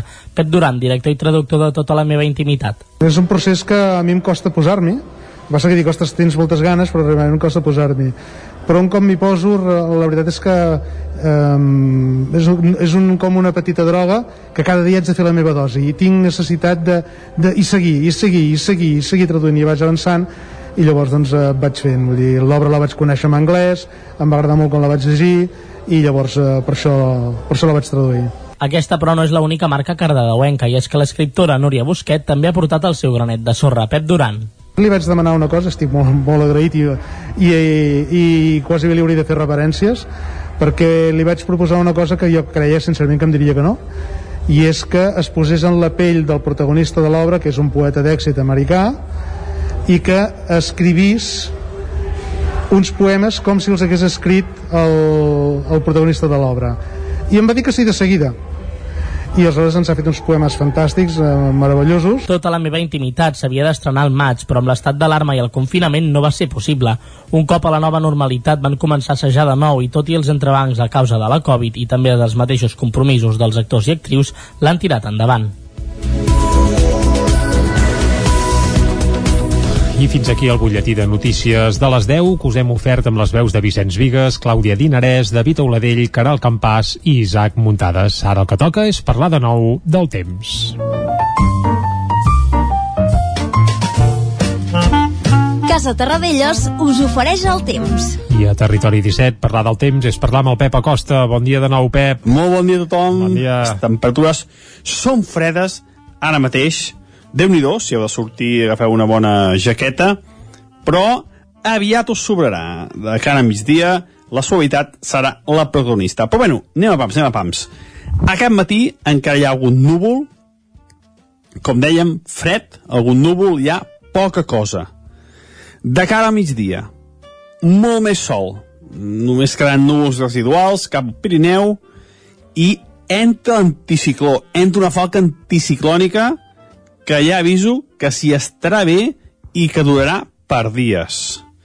Molt de sol a la tarda, vents molt fluixos i atenció que mica en mica aniran apareixent les boires. Uh, cada dia boires més intenses, més, més en, intenses i més extenses. Uh, seran més importants cada dia que vagi passant i cada dia que vagi passant tindrem més la inversió tèrmica, com deia, que és molt protagonista a l'hivern i que fa que les temperatures siguin més baixes a les valls i més altes a les muntanyes. Això apareixerà ja, eh, aquesta setmana, ja tindrem aquí. Resumint, eh, molt, avui molta tranquil·litat, no es repetiran les tempestes precioses d'ahir, eh, va caure molta calamarsa en algun lloc, no crec que fes mal, però si, si, si fa mal ja no són precioses, però va caure molta calamarsa sobretot a, a la zona d'Osona i també cap al Moianès Uh, però bueno, això, eh, uh, van ser molt, molt, molt fotogèniques, com deia al principi. Avui no es repetiran aquestes tempestes, no en caurà ni una. Al matí encara una mica de núvols, però a la tarda hi ha molt de sol i unes temperatures a la tarda que pujaran. Ahir les màximes van moure entre els 15 i els 20 graus, avui ja tindrem algun valor superior als 20 graus, sobretot cap a la zona prelitoral. I mica en mica l'anticicló guanyarà cos, guanyarà força i guanyarà persistència, perquè durarà molts, molts dies. Moltes gràcies i en parlem demà. Adeu, bon dia.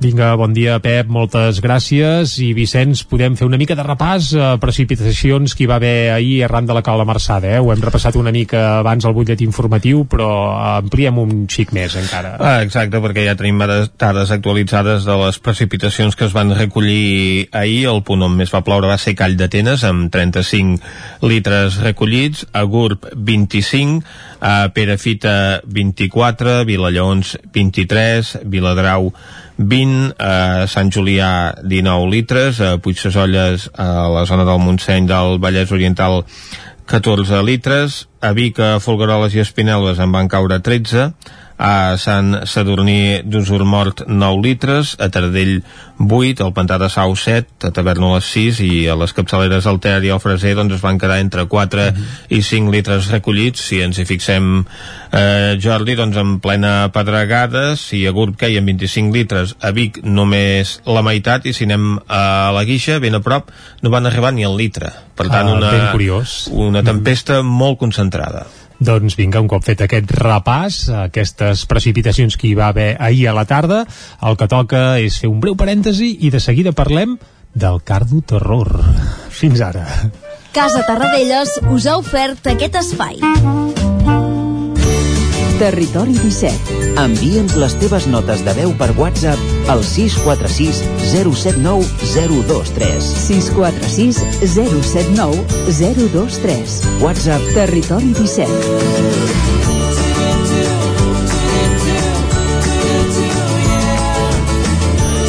Territori 17. Som a Facebook, Twitter i Instagram amb l'usuari Territori 17.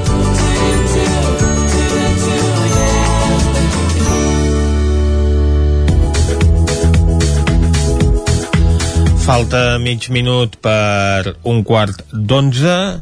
Torna el Festival Cardo Terror de Cardedeu, enguany dedicat a la sèrie B. Un festival que se celebrarà del 30 d'octubre a l'1 de novembre als cinemes Esbarjo de Cardedeu i cap allà anem a Ràdio Cardedeu ens espera l'Òscar Muñoz. Bon dia, Òscar.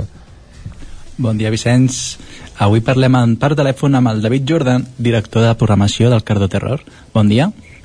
Hola, bon dia.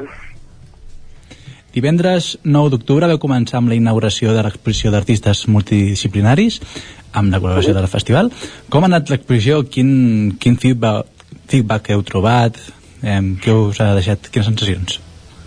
Bueno, aquesta exposició ja fa, ja fa tres anys que, que la fan uns artistes de Cardedeu que són multidisciplinaris i ells porten una mica l'exposició doncs, amb, amb la marca del Cardo Terror, però són gent prou coneguda eh, dins del món de la xarxa Cardedeu i sí que deien doncs, que clar, la mobilitat, eh, la limitació de mobilitat doncs s'ha notat una mica una mica en, en les visualitzacions de, de l'exposició, a part de, de doncs, també les limitacions d'aforament. Clar, aquest any tot eh, està sent una mica més fluix i més limitat, I, tot i que intentem donar la visibilitat, la màxima visibilitat possible per, doncs, per les xarxes. Arriba, bueno, arriba ara ja la quinzena edició. Abans d'explicar-nos què ens hi trobarem, podries fer-nos 5 cèntims del festival per la gent que no coneixi aquest festival de terror? Uh, doncs sí, el Cardo Terror és un festival que això ja aquesta serà la seva quinzena edició i el festival doncs, sempre s'articula entorn a, a un eix temàtic amb el, doncs, amb el que fem una antologia de, de pel·lícules que és la, la base principal del festival i després doncs, fem altres actes. Uh, aquest any hem escollit el tema de la sèrie B, també és un festival amb una edició reduïda perquè normalment fem 5 dies i en aquesta edició farem 3 i eh, per no parlar de la pandèmia, però sí d'una cosa més petita, doncs vam decidir agafar la temàtica de la sèrie B, doncs que s'associa a pel·lícules de més baix pressupost, i, però que després són de culte, i això és el que esperem que sigui aquest Cardo Terror, una edició més petita però, però de culte. Eh, en aquest sentit, doncs, doncs trobarem moltes pel·lícules de culte de sèrie B, que començarà amb un cicle que començarà divendres, que hem hagut de treure una sessió, i bueno, doncs, homenatges als clàssics de la sèrie B com Roger Corman, William Castle, David Cronenberg, eh, alguna pel·lícula asiàtica, etc etc. Uh -huh. I en aquesta edició del festival, quin, eh, quins canvis heu hagut de fer degut a aquestes noves mesures? Doncs el que hem hagut de fer ha sigut, evidentment, una limitació d'aforament al 50%. Eh, hem habilitat les, i hem consolidat les vendes online que eh, fins ara era una cosa testimonial, ara amb aquesta, amb aquesta edició ho hem, ho hem consolidat, consolidat perdó, i esperem doncs, que sigui eh, el, que les vendes siguin bàsicament online i deix, deixarem en canvi testimonialment la taquilla. Llavors doncs, també hem extremat les mesures higièniques, eh, hem fet un anunci a principi de cada sessió, hi haurà la separació a les cues, hi haurà gel hidroalcohòlic i en, i en general hem treballat molt eh, colze a colze amb l'Ajuntament i amb les seves, amb les seves recomanacions i, i assessorament. Uh -huh. I en aquesta edició del festival què hi podem eh, trobar? Ens has dit que està dedicat a les pel·lícules de sèrie B, que exactament, exactament què, què hi trobarem eh, en aquesta edició que ja ens has explicat que era eh, reduïda de 5 a 3 Mhm. dies d'aquest festival? Mhm. Doncs bueno, a part de les pel·lícules de sèrie B, que ara us les comento si, si voleu, Sí. doncs com cada any doncs, eh, farem la projecció dels cinc finalistes als Premis TAC, que és la Federació Catalana de Festivals de Terror. Es, passen, eh, es passaran els cinc finalistes i s'atorgaran els tres Premis TAC. Eh, també el divendres es gravarà un podcast en directe de Maria Nocturna que està, està dirigit per, per quatre grans eh, crítics de cinema i el director de, de Sitges, l'Àngel Sala, que parlaran sobre la sèrie B.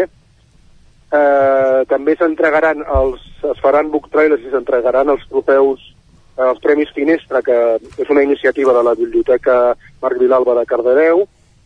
I després eh, doncs, també tenim dues sessions de preestrena que només s'han passat en Sitges, que són la pel·lícula Península, que és la segona part de Train to Busan, i Seiko Goreman, que és un divertimento gore que s'adequa molt bé a la, a la temàtica d'aquest any. I després pues, tenim les sis pel·lícules de sèrie B que formen part de la programació. La selecció de les, de les pel·lícules, com la feu? Com feu el... Com les escolliu?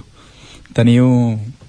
Uh, bueno, agafem, escollim un tema i de, llavors eh, mirem aviam quantes poden formar part del cicle i quantes activitats paral·leles fem, que també m'he deixat com a activitat paral·lela doncs la pel·lícula familiar, que també és un acte molt consolidat, i que aquest any posarem Cazafantasmes, i també acostumem a fer una sessió infantil per a, per a nens de, de curta edat, però aquest, que aquest any no ha sigut possible fer-la.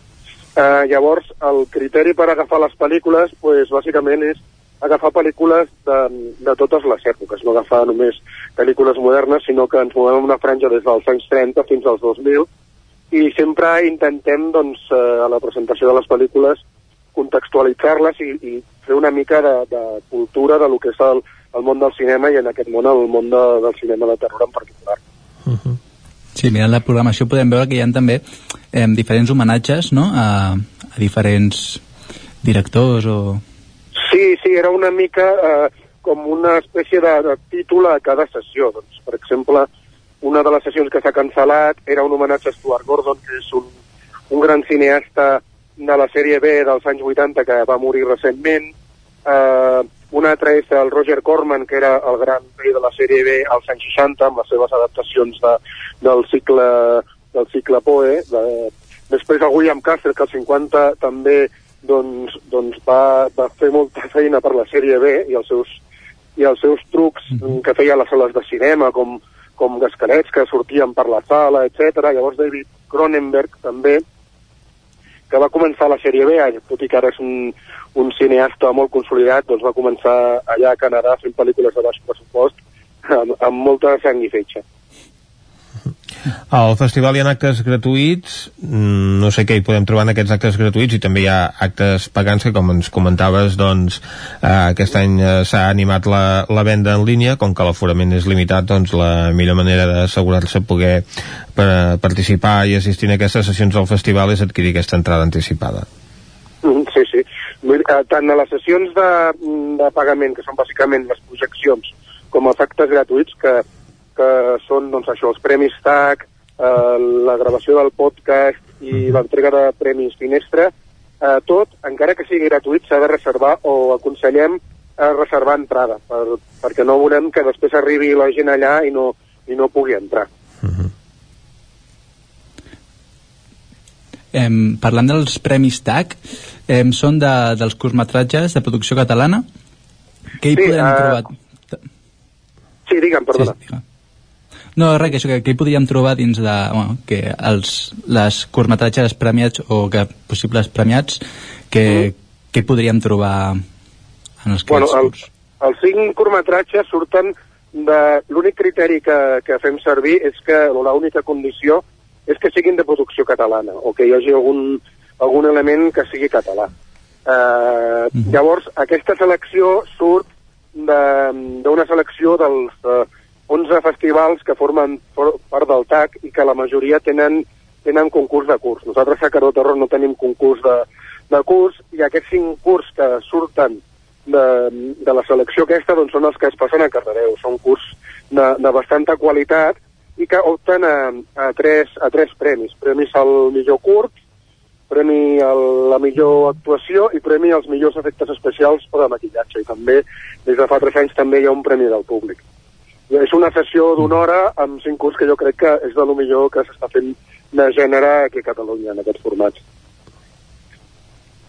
Perfecte. Perquè el festival té premi propi? O sigui, teniu vosaltres... Ah, sí, sí, correcte. Sí, nosaltres eh, el que otorguem cada any és el nostre trofeu Audrey, és un trofeu que està inspirat en la famosa planta carnívora de la botiga dels horrors, i habitualment sí. doncs, doncs tenim un convidat i aquest trofeu és bàsicament un, un reconeixement a, a la seva carrera. Aquest any, doncs, per les circumstàncies actuals de, de pandèmia, no hem pogut convidar ningú, el que sí hem atorgat el trofeu a Elga Liné, que és una gran actriu que va estar en actiu eh, entre els 60 i els 80 amb moltes pel·lícules de gènere, sobretot als anys 70, que actualment resideix a Buenos Aires i el que hem fet és eh, eh, li hem fet arribar el trofeu doncs, a, doncs allà a Argentina. I passarem, passarem un documental sobre la seva figura que presentarà el seu director Diego López i després una pel·lícula en què ella és, eh, actua, que és El espanto surge de la tumba. Perquè en algun moment us veu plantejar la possibilitat de cancel·lar el eh, festival o sempre s'ha mantingut la intenció de celebrar-ho d'alguna manera o altra? Uh, la intenció sempre ha sigut continuar endavant. Uh, sí que és veritat que vam haver de reformular-ho tot perquè ja teníem una altra temàtica i llavors ens va entrar en acció el coronavirus, el Covid, uh -huh. i vam haver doncs, això de reduir format i de plantejar tota, tota la temàtica. Eh, també, doncs, eh, amb les notícies d'aquest diumenge, doncs, hem hagut de treure les, les últimes sessions doncs, per ajustar-nos a l'horari del, del nou toc de queda. I ara estem una mica a l'expectativa perquè com com cada dia eh, surten noves notícies, eh, la nostra intenció és resistir i fer el festival. A no sé doncs, que ja hi hagi una limitació tan gran doncs, que ens sigui impossible, però a dia d'avui eh, la nostra intenció és fer perquè com, com veus el futur de la cultura? O sigui, amb aquestes restriccions sí que s'havia comentat que les activitats culturals podien acabar a les 10 i es permetria als assistents arribar entre les 10 i les 11 a casa. Com veus que pot afectar això al sector? Eh, com, els, com pot afectar això? A taquilla o...? Bueno, taquilla, evidentment, es perd, es perd un, pues, una sessió. Eh, després, després també l'aforament eh, pues, limita també les entrades. Però bueno, en, en aquest cas, eh, en, el, en el que respecta al nostre festival, com és un festival sense ànim de lucre, eh, el nostre, nostre objectiu eh, sempre és cobrir gastos eh, doncs, per poder fer una tradició. Vull dir, si nosaltres fóssim doncs, eh, eh, professionals, potser sí que ho veuríem d'una manera doncs, eh, doncs més negra. Doncs nosaltres doncs, deixarem d'ingressar una mica més per, doncs, per poder tirar endavant una nova edició. I, però bueno, eh, crec que eh, aquesta pandèmia està, ens està afectant a tots d'una manera o d'una altra. David Jordan, el, el monstre del temps ens tira a sobre i hem de deixar-ho aquí. Moltes gràcies per participar avui del nostre programa. Moltes gràcies a vosaltres. I esperem que aquest cardo terror sigui, sigui malgrat tot, un èxit. Eh, creuem els dits. Moltes gràcies. El nou FM, la ràdio de casa, al 92.8. Tens por de l'ordinador? Vine al Magí. Amb les nostres píndoles digitals aprendràs la diferència entre internet i el núvol, com utilitzar el mòbil i les apps, i si ets professor dominaràs el Classroom. Sessions totalment pràctiques, fàcils i interactives. Som a Vic, telèfon 693 75 05 07 o també ens pots visitar al magí.cat. Inscripcions obertes. Només pensar en passar aquesta nit sense calefacció amb aquest fred? No es preocupi, hem analitzat a fons la caldera i de seguida quedarà reparada i en funcionament. Quan tingui un problema amb la seva caldera, vagi directament a la solució. Truqui sempre al servei tècnic oficial de Saunier Duval i despreocupis, perquè som fabricants i coneixem les nostres calderes peça a peça. Informis a Oficiat Nord trucant al 938860040. Saunier Duval, sempre al seu costat. Cocodril Club. Si t'agrada la bona música dels anys 60, 70 i 80, escolta el 9 FM als matins de dissabtes i diumenges d'11 a 1. És el temps del Cocodril Club, tot un clàssic de la ràdio, amb les bases del pop-rock, les llegendes, les cançons que s'han convertit en autèntics himnes. Recorda, dissabtes i diumenges al matí, d'11 a 1, al 9 FM 92.8. Cocodril Club, el programa revival de l'Albert Malla. Hasta luego. Anuncia't al 9FM. La màquina de casa. 9 3 8 8 9 4 9 4 9. Publicitat arroba al 9FM.cat. Anuncia't al 9FM. La publicitat més eficaç. La Fogonera, resistència gastronòmica. És un restaurant? És un rostidor? És La Fogonera, la cuina en directe des de GURB, on encarregues, ho vens a buscar i ara també t'ho portem a casa. La Fogonera, resistència gastronòmica. Ara, amb la fogonera de dia, amb aperitius, arrossos, segons plats i postres. I quan cau la nit, Ens transformem en un popurri culinari. Burgers, pizza, pasta... Truca al 93 851 55 75 o entra a lafogonera.cat. La Fogonera, el teu aliat gastronòmic. Cada territori té un atractiu o més d'un. El fruit, el paisatge, la seva gent, les pedres... Camins de l'Eix. Descobrint el capital de terra endins. Camins de l'Eix, dissabte a les 9 del vespre al 9 TV. Aquesta setmana, al Lluçanès, amb el suport de la Generalitat de Catalunya. 7 milions i mig de futurs.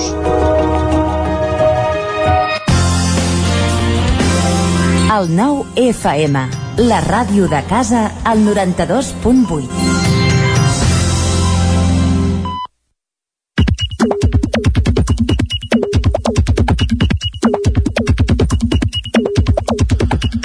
Són dos quarts onze, és hora de que l'Isaac Moreno ens repassi què ha trobat per Twitter. Alguna, cose alguna coseta, bon dia. Uh, comencem un tuit, per exemple, de l'Albert Cuesta. Diu, sembla mentida que encara calgui recordar-ho. La teva mascareta et protegeix sobretot els altres i la, els altres et protegeix a tu. No portar-la ben posada no és només inconscient, és insolidari. I comparteix una vegada més la pantalla amb les recomanacions de, de la Generalitat. Jordi Ramolins, des de Ripoll, diu Acabo d'ordenar-li al poli que porto dins que m'unanitzi. Com que només sap complir ordres, m'ho estic passant bé. Moltes admiracions. Ara, Mireia Genís, des de Vic, diu Pues vaya notícia que hi hagi aigua a la lluna. La novetat seria que hi hagués Coca-Cola.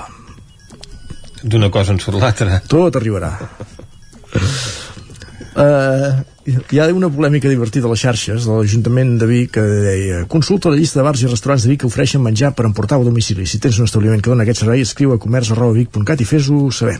I clar, comparteix una pantalla amb tot de establiments. No? Establiments. Ja salten des del col·lectiu Remei Reviu que diu Bona tarda, Ajuntament de Vic. Hem començat a fer llista dels barris i restaurants del nostre barri i en ben poca estona hem recopilat 25 més de 25 establiments que també formen part de les ciutats i aquí ja apareix ja la polèmica del, del greuge, diguéssim, del que passa més enllà de, del MEDER, diguéssim, uh -huh. que des de, des de dalt a Vic sembla que a vegades no, no es tingui en compte. Del MEDER enllà no existeix exacte, no? perquè és, és veritat que de tota aquesta llista de l'Ajuntament no n'hi havia cap de, dels barris del sud. Però el millor del cas és que Albert Sicília respon al tuit de Remei Reviu diu Telepizza, carretera de la Guixa 12 telèfon tal tal tal. I Remei Reviu li respon bona nit, gràcies per l'aportació. De totes maneres la llista inclou el comerç de barri local i de proximitat creiem que una cadena de la seva magnitud no necessita suport de les veïnes. I en Sicília que respon, diu, home, fa més de 30 anys que són al barri, la Genet i la seva família no tenen cap gran cadena, però bé, és la vostra llista, vosaltres decidiu.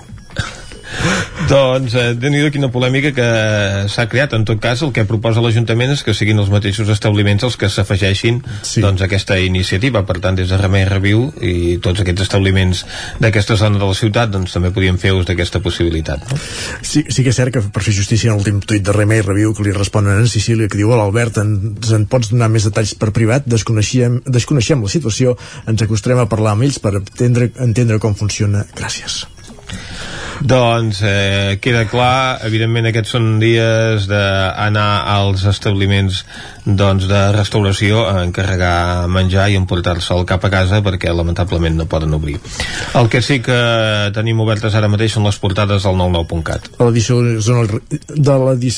d'Osona i el Ripollès encara podem recuperar vídeos i fotos de, de la calamarsada d'ahir, una espectacular calamarsada en Blanquina a Osona un detingut per enaltir els autors dels atentats a Barcelona i Cambrils, el detingut resideix a França i el van enxampar Palafrugell, reescriure la història dels vençuts i el toc de queda a Catalunya serà finalment entre les 10 de la nit i les 6 del matí. A l'edició del Vallès Oriental, el Vallès Oriental suma prop de 700 instal·lacions fotovoltaiques d'autoconsum. La nova llei que regula l'augment de lloguers també s'aplicarà a Mollet. L'Hospital de Granollers convoca més de 50 places d'infermeria i un incendi afecta una perfumeria al centre de Mollet. Molt bé, doncs hem fet aquest repàs a l'actualitat eh, digital. Gràcies, Isaac. Nosaltres bon anem cap a la taula de redacció. Territori 17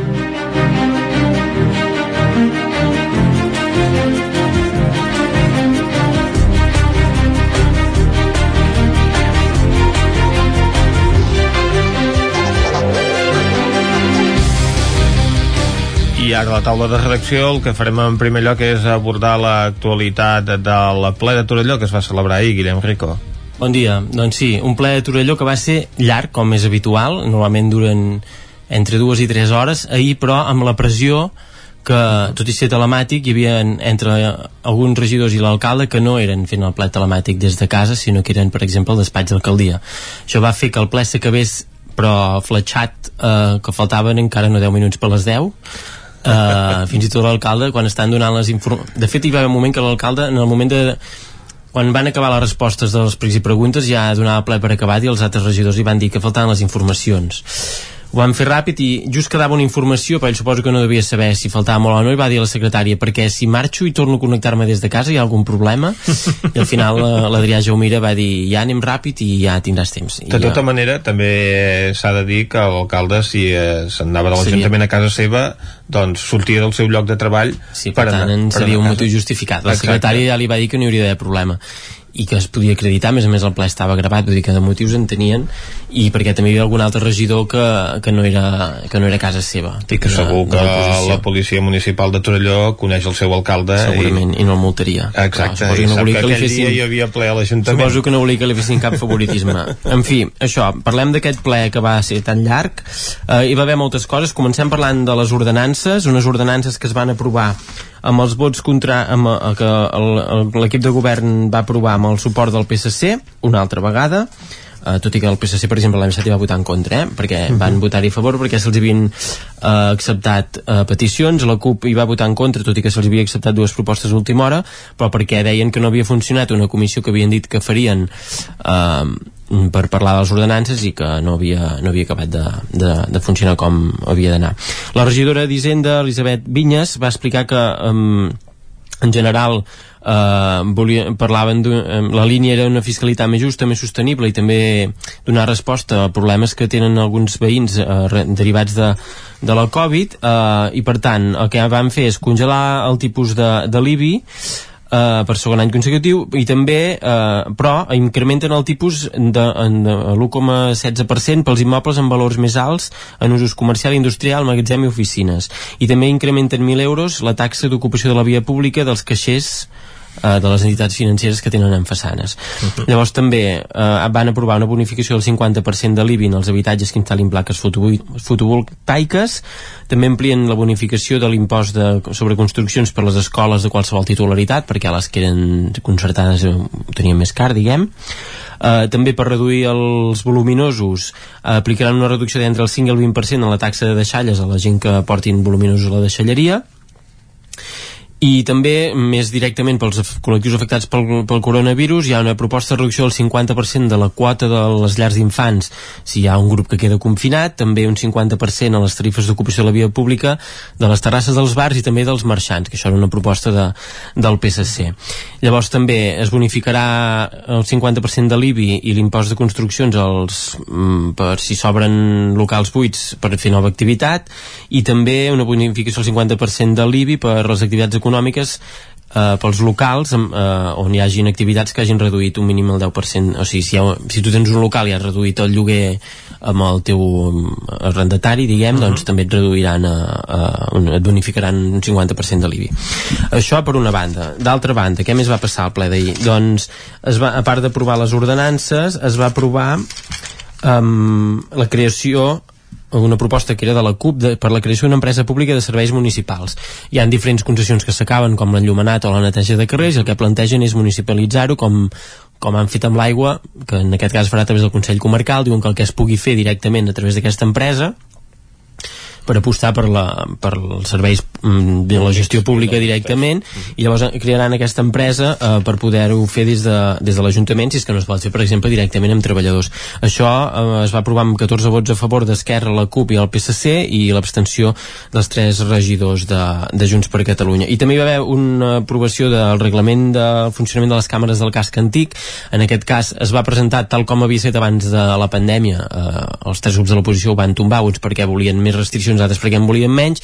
Finalment Esquerra Junts per Torelló s'ha tornat a trobar amb el PSC en aquest cas eh, per engegar aquestes càmeres tret d'una o sigui, el PSC ha negociat eh, l'aprovació amb que la càmera del carrer Sant Feliu, un dels accessos al nucli antic, eh, s'activi només per comptabilitzar els vehicles, per veure mm, quants en passen, etc però que fins a final de mandat almenys no, eh, no, no, no entri en funcionament diguem, eh, sancionant o, o amb aquesta regulació que hi haurà amb els altres, amb els altres accessos mm, des de la CUP criticaven això que no, perquè la CUP apostava per exemple per, perquè fos tot, tot tancat diguem, només per accés de veïns i des de Junts per Catalunya també hi van votar en contra perquè no veien clar que mm, tenien alguns dubtes que eren els mateixos que tenien llavors perquè no, no han canviat ni una coma diguem de, uh -huh. del reglament que els hi van tombar fa, fa uns mesos mesos. Deien que sí que l'acord aquest el tenien des de feia mig any, però que en estar en la situació de pandèmia volien esperar aplicar-ho i, i, i ho faran ara. Llavors també, eh, al final del ple,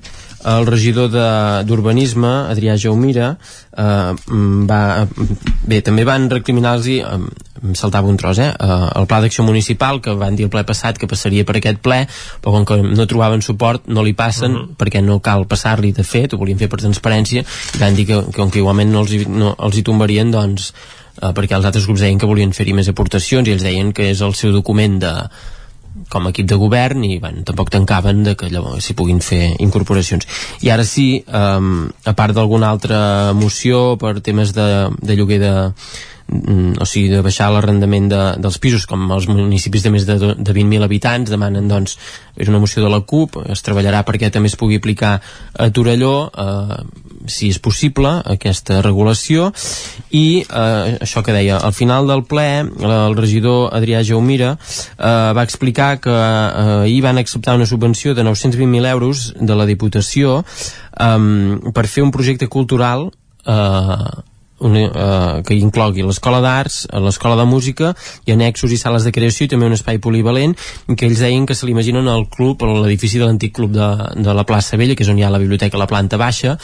Havia funcionat com a hotel d'entitats, hi havien hagut els escoltes des de fa mm, potser gairebé 15 anys que ja no són allà, uh -huh. hi ha unes sales que, que estan allà, hi havia un antic cinema que també és una sala gran on hi havia hagut també el tenis taula fa uns anys és un edifici que va quedar amb molta part en desús. Hi havia alguna entitat que encara hi tenia algun, algun local allà i hi havia la biblioteca, hi ha la biblioteca a la planta baixa. Ells plantegen allà, recordem que per la campanya la CUP ho plantejaven on hi ha el Museu de la Torneria, però des d'Esquerra no ho veien clar que capigués tot en aquell edifici on sí que eh, a dalt de tot hi ha l'Escola d'Arts Plàstiques. Per tant estarem pendents mm, d'aquest projecte que diuen que el projecte definitiu l'han de presentar l'any que ve i que ara faran un treball conjunt per acabar-ho de determinar, però ells d'entrada plantegen aquesta illa cultural, diguem, a, a l'edifici de, de l'antic club de la plaça Vella, que és un edifici totalment al centre de, del municipi.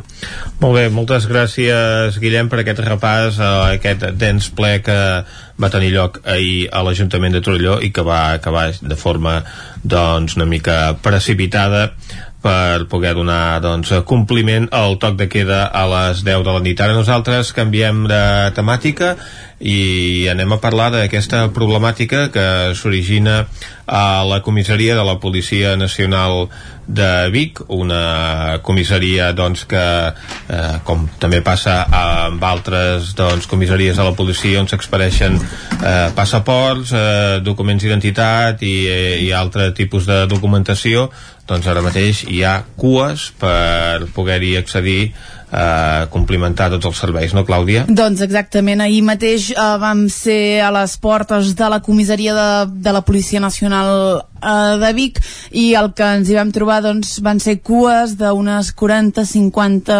persones eh, ens van voler interessar una mica de què passava perquè hi havia aquesta gent a l'exterior de la comissaria i el problema és que Uh, abans de, de la pandèmia, per uh mhm. -huh. explicar-ho fàcilment, uh, el que podien fer les persones que ja tenen la residència però que uh, depenen de la targeta d'identitat uh, d'estranger uh mhm. -huh. era demanar doncs, cita prèvia, com si tu, Vicenç, uh, t'haguessis d'anar a renovar el DNI o el passaport, uh mhm. -huh. doncs uh, faries exactament el mateix tràmit, et donarien una hora i aniries a, la, a les dependències a, a renovar-ho, no? Uh -huh. Doncs ells és exactament el mateix procediment. El problema és que amb la pandèmia eh, s'ha saturat el sistema, per tant no poden demanar cites prèvies eh, per internet. Eh, una problemàtica que ahir ens comentava l'Alexandra Prats, ella és advocada especialitzada en matèria d'estrangeria i immigració. Eh, això des del mes de març, amb l'estat d'alarma, eh, van començar a veure doncs, que la gent no tenia cita prèvia, que moltes persones doncs, es quedaven sense poder obtenir aquesta targeta d'identitat física, una targeta que per qui ens estigui sentint i no sàpiga doncs, de què va, eh, és una cosa tan senzilla com eh, una targeta que si no la tens no pots enviar diners a, a la família, no pots viatjar, tampoc pots obrir un compte bancari o tampoc pots fer una cosa tan bàsica com tramitar uh, l'atur. Per tant, és una cosa que és important. Que necessites pel dia a dia. Exactament. Llavors el que va fer l'Alexandra a través del Col·legi d'Advocats de Vic va ser tramitar una, una denúncia, una denúncia formal a la Policia Nacional. Ella ens explicava que aquest problema passa a Vic uh -huh. i passa a totes les a comissaries de la província de, de Barcelona. I el que van aconseguir és que ahir dilluns doncs, eh, obrissin eh, un torn de cites prèvies. Per tant, el que estaven fent aquesta quarantena, cinquantena de persones que comentava al principi era esperar eh, que els donessin la cita prèvia física, una cita prèvia doncs, per anar a recollir eh, o a renovar eh, aquesta targeta d'identitat eh, d'estranger. Un altre dia i una altra hora, per tant. Exactament.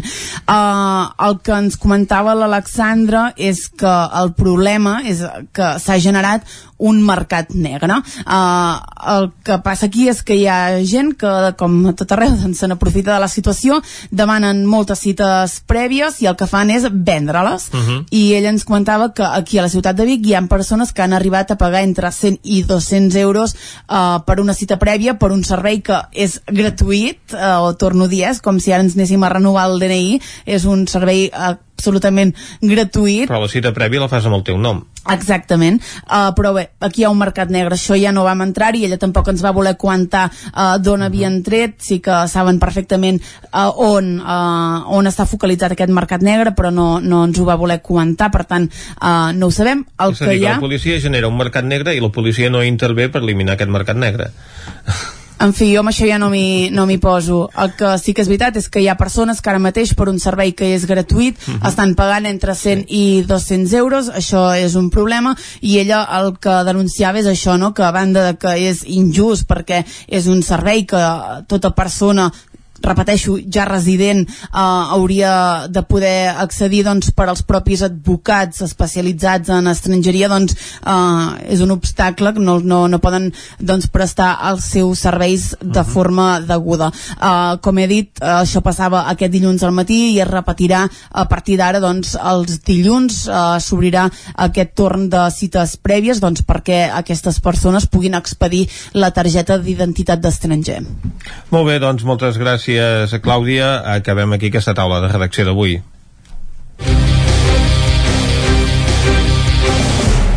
Territori 17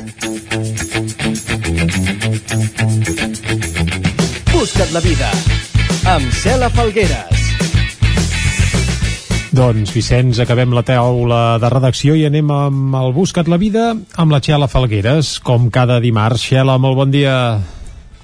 Molt bon dia. Avui us portaré eh, una entrevista d'una persona molt viatgera amb unes condicions Uh, molt boniques. Uh, mm. Us parlo de la Norma Lebrero, que és periodista i col·laboradora de, de Ràdio Televisió de Cardedeu, que fa uns dies va fer una ponència dins l'aula de cultura de Cardedeu. De fet, aquest divendres passat, el dia 23, el 9-9 ja li va fer un article perquè us parlarem del seu blog que es diu El món ens espera, el món ens espera.com. El 17, i tant. Uh -huh. Exacte, exacte. La Norma ha creat molts continguts, però m'agradava la idea de poder-us presentar no? i que ell expliqués de primera mà com s'ho fa per, per viatjar eh, amb el seu company, en Marc, això no té cap secret, però aquí el secret és com viatjar amb el seu fill Blai des de que tenia un any i han donat la volta al món. Eh, ens explica una mica els secrets aquells de com tu fas per voltar tant i no ser milionària o alguns trucs de, de com poder viatjar eh, i descobrir llocs meravellosos. Si us sembla, anem a escoltar aquesta aquesta entrevista que vam fer la Susana Cabiscol d'aquí de Ràdio Televisió Cardedeu i jo mateixa fa uns dies a la Norma Lebrero abans de que fes aquesta presentació dins l'aula de cultura. Som-hi! Som-hi! Explica'ns què és el món ens espera, Norma. Ah, el món ens espera és un blog que vam obrir el 2017 quan vam començar a viatjar amb el nostre fill, llavors tenia un any i fèiem viatges una mica diferents, no? No, no anàvem a les típiques destinacions. I arran d'aquí molta gent ens deia oi, és que això ho hauríeu de deixar escrit. Estàvem una mica cansats, de veritat, d'enviar mails, amics, de recomanacions, aneu aquí, aneu allà, i vam pensar, posem en un blog, expliquem-ho.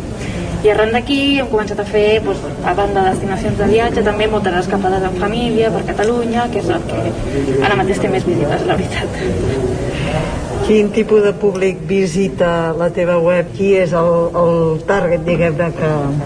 Famílies, famílies amb nens, eh, perquè proposem moltes escapades això per Catalunya, eh, llocs per anar amb nens, restaurants per anar amb nens, activitats per fer amb nens, excursions fàcils per fer a peu amb nens, i llavors també viatges per Europa, eh, alguns també fora d'Europa, i destinacions una mica això, diferents. Eh, parlem de Romania, de les Illes Lofoten, de Noruega, de destinacions que no són, estan una mica fora dels circuits més turístics, no? perquè informació de París amb nens a internet hi ha molta, o a Londres amb nens també n'hi ha molta, llavors buscàvem llocs una mica diferents. Quin és el repte de viatjar amb nens? Quan prepares el viatge, prepares perquè hi hagin activitats per nens o el focus és sempre activitats per nens que tu com a adult puguis gaudir? Mm, no. El nostre punt de vista del viatge amb nens no és que tot sigui per nens, i que, perquè creiem que els nens han d'aprendre a veure o visitar de tot eh, sí que ha d'haver-hi una mica de combinació d'activitats amb nens al nostre fill li encanta la piscina llavors sempre busquem llocs amb mar, llocs amb piscina on d'això però eh, creiem que també està acostumat a veure museus exposicions sobre guerra, sobre trinxeres que no siguin estrictament sobre nens no? però que puguin aprendre què són el teu fill fa també un petit diari dels viatges que viu o de moment els uh, fas tu tot el reportatge gràfic i escrit? De moment ho faig jo, tot i que ell eh, també li agrada molt parlar i no li fa gens de por la càmera ni, ni res i de vegades també per Instagram fa, fa alguna coseta però de moment ho fem nosaltres, sí. Estàs convidada a participar en una xerrada dintre el cicle d'aula de cultura de Cardedeu. Què explicaràs en la sessió d'avui? Eh, primer recomanarem 10 destins, encara que ara mateix no es puguin fer, però que en un futur es puguin planificar, perquè segur que tornarem a viatjar eh, una mica diferents, eh, destinacions que no són les típiques europees i això, països curiosos eh, que, es, que es poden fer amb nens o sense, alguns els hem fet amb nens, l'altre sense, Eh, també recomanarem o direm el nostre pare sobre 10 motius que ens empenyen a viatjar amb nens. Eh, nosaltres anem amb el nostre fillet d'arreu i això creiem que ens aporta molta cosa com a família, no? com a nucli familiar que creiem que és molt important per ell i per nosaltres també. I per últim donarem 10 consells de coses per facilitar el viatge amb nens, no? fer-lo més feixuc. Ningú diu que sigui fàcil, perquè tothom, cada família és un món i cada nen és un món, però, però són 10 coses que nosaltres ens han anat bé per fer-ho més, més, més lleuger. La pregunta del milió és no sou milionaris, no heu atracat tan banc. No. Com us ho feu per viatjar tant, per anar a tants llocs i per trobar, diguem-ne, eh, tota aquesta descoberta que molta gent ni té accés, o per horaris o per temes econòmics. Com, com us gestioneu això? Eh, la clau és que nosaltres treballem el cap de setmana i tots els viatges que fem són entre setmana, que això abarateix molt els costos d'avions, hotels, etc. Un viatge fora de temporada turística, és a dir, evitar l'agost a tota costa, és vital també per, per, per, per fer que els viatges siguin molt més barats, low cost. Comprar els bitllets amb molta antelació també. Sé que ara no té cap mena de sentit, però eh, eh, igualment nosaltres aquest, aquest agost hem agafat, eh, aquest, aquest estiu hem agafat quatre avions ara sense planificar els, els vols són barats relativament per Espanya però bueno, és el que es pot fer però que és possible és possible, no som milionaris nosaltres eh, prioritzem no? com totes les famílies no? hi, ha, eh, hi ha gent que, que vol destinar aquests diners a, a una inversió o el que sigui nosaltres eh, creiem que, que, que viatjar forma part de l'educació del nostre fill per això ho fem així molt bé, i en el cas eh, no ara en la situació de pandèmia en quant de temps aneu planificant o ja teniu un calendari de viatges com, com feu el vostre calendari de, del que vindrà? Ara, res, sincerament.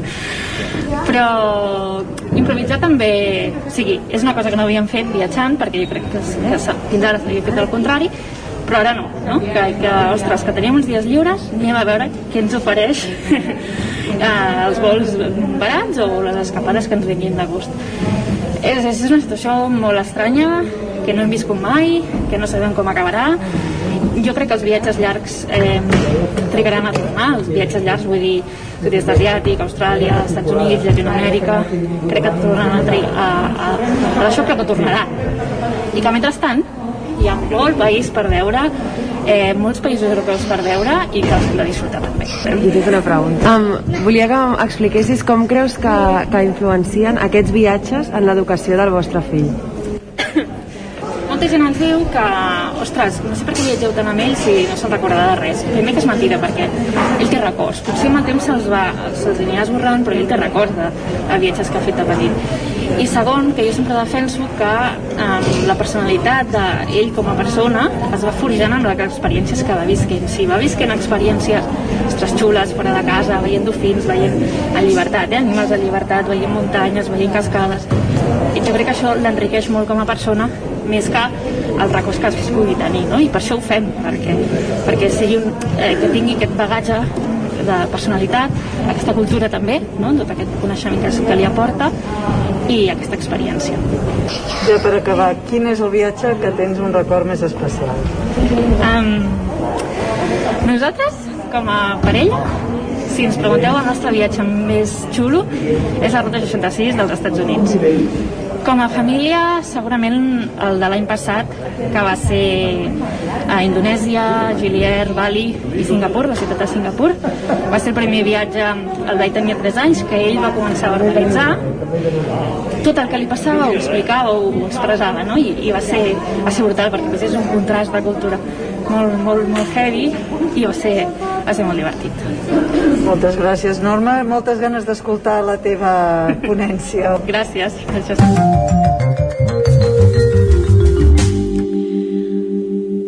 L'app d'aquesta setmana té un nom bastant lleig, però està molt bé. Es diu Paternator i et serveix per crear fons de pantalles divertits. Per exemple, vols convertir la cara de teu gos en un disseny? O convertir-lo en un fons d'escriptori o enviar-lo als teus amics o fins i tot imprimir-lo en un coixí. Aquesta app et permet crear patrons que venen o bé dins de, de sèrie dintre la mateixa app o a partir de les teves fotos que retalles trossets.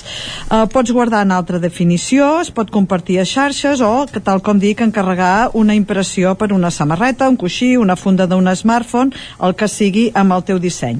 La vaig provar tant en un Android com en un iPhone i a vegades l'experiència és molt diferent i en aquest cas vaig pensar que funcionava molt bé eh, tant amb un sistema com els altres.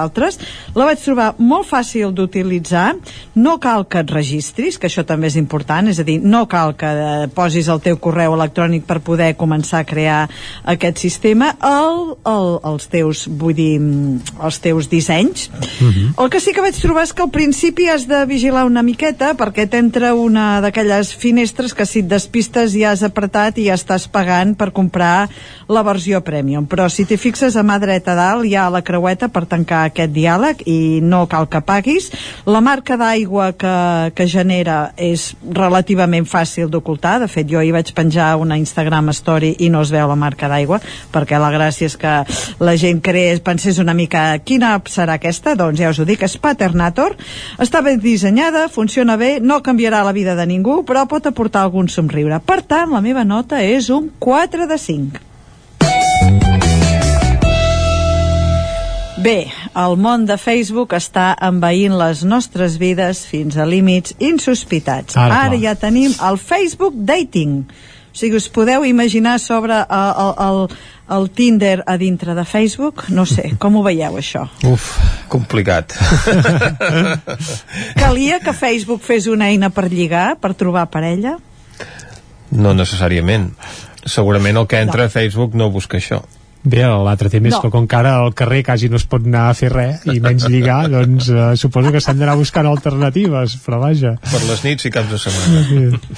Ai, jo trobo que la idea a mi, a mi no m'agrada eh? el, el, per accedir-hi si us voleu obrir el perfil o qui vulgui explorar-ho facebook.com barra dating arriba amb més de 9 mesos de, de, de retard a Europa perquè hi havia qüestions de privadesa que s'havien de resoldre està disponible a la majoria dels països eh? Àustria, Bèlgica, Bulgària, Xipre República Txeca, Hongria, Irlàndia Irlanda, Itàlia, Lituània Suècia, Eslovènia, Eslovàquia, Espanya Suïssa, Regne Unit, vale? pots compartir històries al perfil, hi ha una funció que es diu Secret Crush, eh? un crush és allò, aquella espineta, aquell amor ocult que tens, que permet seleccionar fins a nou dels amics de Facebook o seguidors d'Instagram en qui t'agradaria sortir sense que els altres ho sàpiguen, evidentment.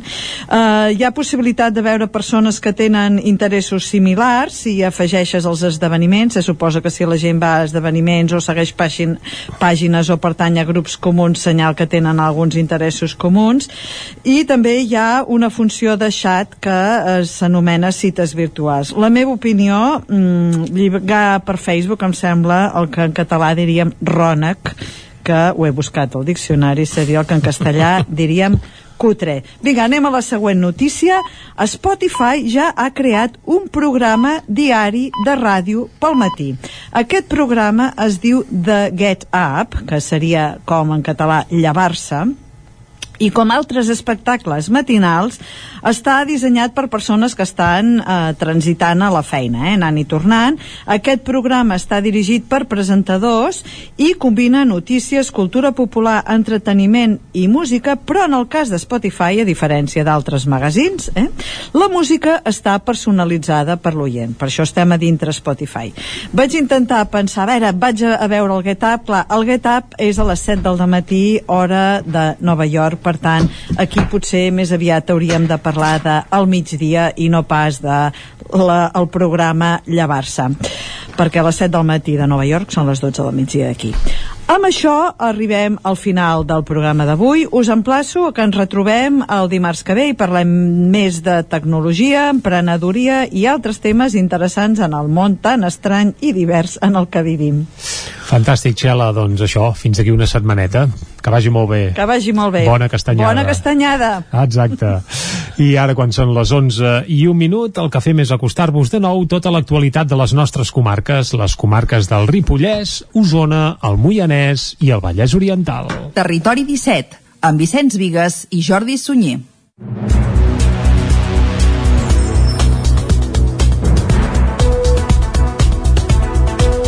Aquesta passada nit ha estat la segona amb toc de queda a Catalunya que prohibeix sortir al carrer entre les 10 de la nit i les 6 del matí. En la primera jornada, la de diumenge a dilluns, la mesura que busca frenar l'avenç de la pandèmia de coronavirus es va aplicar amb caire pedagògic. Ja hi va haver controls policials, tot i que no ha estat fins aquesta nit quan s'han començat a posar sancions d'entre 300 i 6.000 euros. A partir d'ara, només es podran moure en la franja nocturna les persones que vagin o tornin de treballar a casos d'emergències mèdiques, la compra de medicaments o la cura de persones dependents. No afecta els serveis essencials. Els comerços i les activitats esportives han de finalitzar a les 9 i els bars i restaurants poden fer serveis a domicili fins les 10. Les 10 també és l'hora límit per les activitats culturals. Una de les excepcions permet treure els gossos a passejar a prop de casa de 4 a 6 de la matinada en el cas de les persones que comencin o acabin de treballar just a l'horari límit del toc de queda. El confinament de nit genera opinions diverses entre la ciutadania. Penso que està molt ben fet, perquè així eh, no pateixi tota la gent. I ells mateixos, la joventut també ha de mirar per ells mateixos i per la gent que té a les seves cases, en fi, que jo penso que està bé. Home, sembla que el toc de queda s'havia de fer, no? Esperem que sigui el mínim que hem de fer, no?, de quedar-nos a casa a les nits i no anar de bars ni a restaurants i que no ens deixin tancats a casa una altra vegada, no? Que hi ha algun restaurant que la nit allarga fins a les 11, quarts de 12, poder sí, poder, i els caps de setmana, però el resta de la setmana, si ho coneixem una mica bé tot, els calés, aquesta gent els calés els fan al matí i la tarda. Són mesures que han vingut, suposo perquè durant el, el confinament hi vam entrar molt bé i n'hem sortit molt malament. Penso que no serveix gaire per res, perquè a les nits tampoc hi ha molt moviment. Jo penso que el moviment està més de dia La Generalitat demana un document d'autoresponsabilitat per justificar la mobilitat durant la nit. El govern català veu insuficient el decret d'estat d'alarma de l'executiu de Pedro Sánchez que només els permet fer el confinament nocturn i el tancament de la comunitat autònoma. Aquest cap de setmana s'ha començat a aplicar la regulació de trànsit que es va aprovar en el marc del Procicat amb la idea de restringir l'accés de vehicles a l'espai protegit del Montseny. Lluny de les imatges de les últimes setmanes, aquest cap de setmana s'ha reduït i molt la presència de visitants a l'espai protegit del Montseny. Aquest era precisament l'objectiu de la regulació de trànsit que es va aprovar en el marc del Procicat. El Brull aquest diumenge a dos quarts de nou del matí ja penjaven el cartell de complet a l'aparcament. Durant tot el matí, Mossos d'Esquadra, forestals i guardes del parc van controlar l'accés a l'aparcament, un servei del qual Ferran Teixidor, alcalde del Brull, espera prescindir aviat abans, però és conscient que s'haurà de fer molta pedagogia. Perquè la gent ha d'entendre que no podem tenir aquí Mossos d'Esquadra, guardes forestals, guardes del parc, no ho podem arribar a tenir, hem de tenir un lletrero que digui complert, i complert vol dir complert. Habitualment a la tardor és quan hi ha més afluència de gent al parc. Aquest any, però, segons Dolors Rodríguez, guarda forestal del Montseny, la pandèmia ha fet que la massificació s'hagi allargat en el temps. El Covid eh, ha fet que la gent canvi la seva les excursions o visites i venen molta més gent a visitar el parc. De visitants aquest diumenge n'hi havia de diferents punts del territori. Venimos de, de Ripollet y íbamos al, a Matagalls i el cotxe aquí mateix. Venim de Barcelona, bueno, a veure si ens podia donar una mica l'aire perquè amb tot això de la Covid, pues, com tothom suposo que estem agobiats. Vinc de la Roca del Vallès i hem vingut a passar el matí al Parc Natural del Montseny a fer activitat de, de córrer per muntanya qui també va ser al Brull aquest cap de setmana va ser la presidenta de la Diputació de Barcelona, Núria Marín, que va voler comprovar de primera mà com estava funcionant el dispositiu. Desenes de persones feien cua aquest dilluns al matí a l'exterior de la comissaria de la Policia Nacional de Vic. Una imatge que a partir d'ara es repetirà cada dilluns i que permetrà a persones ja residents obtenir cita prèvia per poder expedir la targeta d'identitat d'estranger, un tràmit que tot i que amb comptagotes abans de decretar-se l'estat d'alarma es podia fer per internet. Alexandra Prats, advocada especialitzada en matèria d'estrangeria i immigració, assegura que des del mes de març aquesta problemàtica s'ha accentuat. Denuncia que ni la comissaria de Vic ni cap altra de la província de Barcelona dona prou cites prèvies. Això, assegura, deixa en una situació de desemparament i d'incertesa a totes aquestes persones que, malgrat haver obtingut el permís de residència sense la targeta física, no poden enviar diners als seus familiars, obrir un compte al banc, viatjar o tramitar l'atur. Prats també denuncia que s'hagi acabat generant un mercat negre de cites prèvies.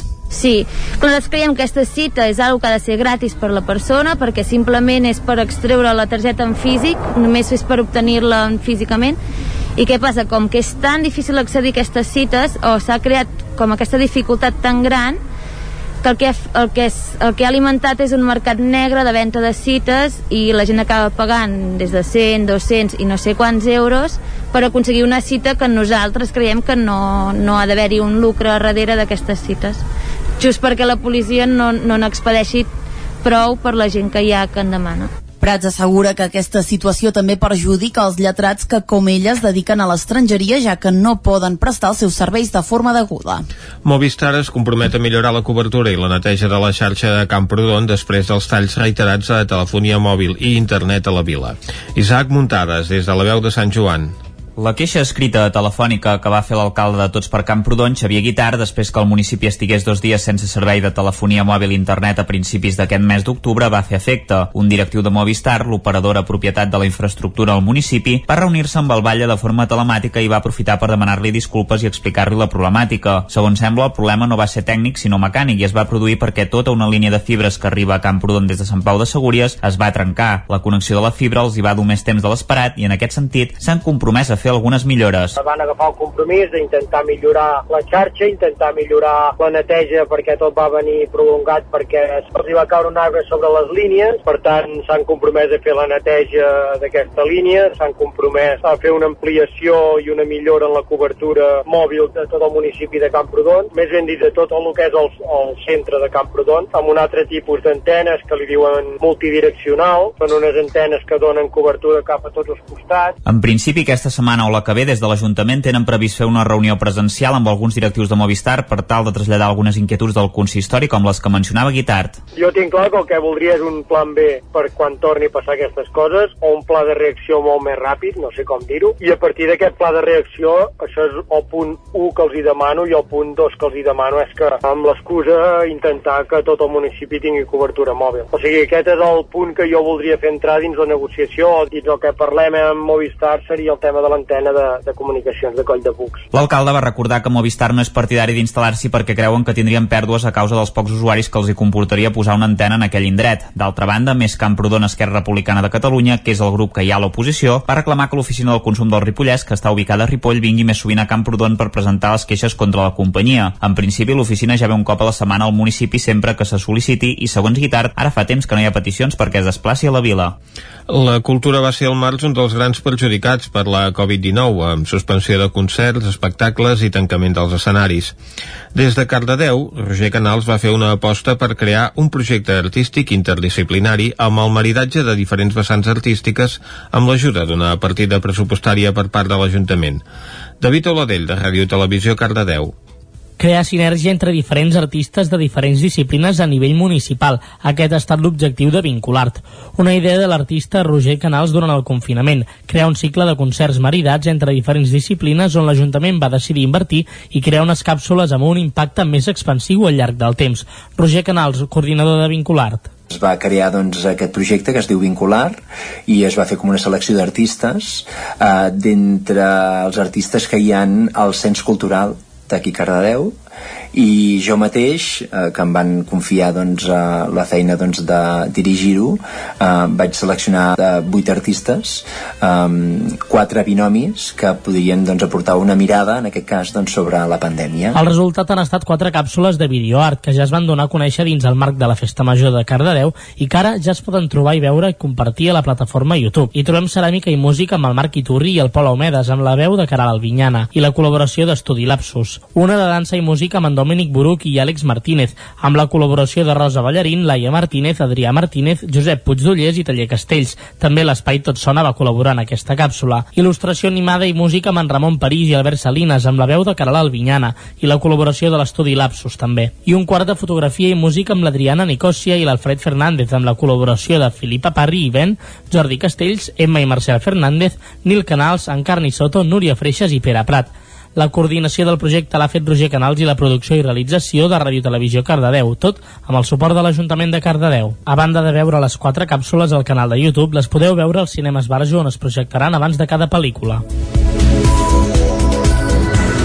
Esports. Víctor León, de Vigues i Riells, guanya el Campionat d'Espanya Sub-18 de perxa. El jove del municipi va endur-se l'or en salt de perxa amb una alçada de 4,51 metres. Caral Campàs, des d'Ona Codinenca. El jove biguetà Víctor León s'ha proclamat campió d'Espanya sub-18 de salt de perxa amb l'Atlètic Granollers. En el torneig que va tenir lloc el 17 i 18 d'octubre a Tarragona, León va fer un salt de 4,51 metres d'alçada. El club granollerí va sumar dues medalles, juntament amb el bronze de la llançadora de martell Judit Sánchez. León, amb només 16 anys, està en un gran moment de forma perquè feia tan sols una setmana havia quedat quart en l'estatal absolut amb una marca de 4 4,45 perdent el bronze per l'acumulació de nuls. L'Ajuntament de Vigues i Riells va reconèixer la trajectòria de Víctor León a la gala Vigues i Riells Terra de Victòries, celebrada el desembre de 2019 al Teatre Auditori Polivalent per retre homenatge als esportistes de renom del municipi. I fins aquí el butlletí de notícies de les 11 del matí que us hem ofert amb les veus de Vicenç Vigues, Clàudia Dinarès, David Auladell, Caral Campàs i Isaac Muntades. Ara el que toca és recordar de nou la informació meteorològica.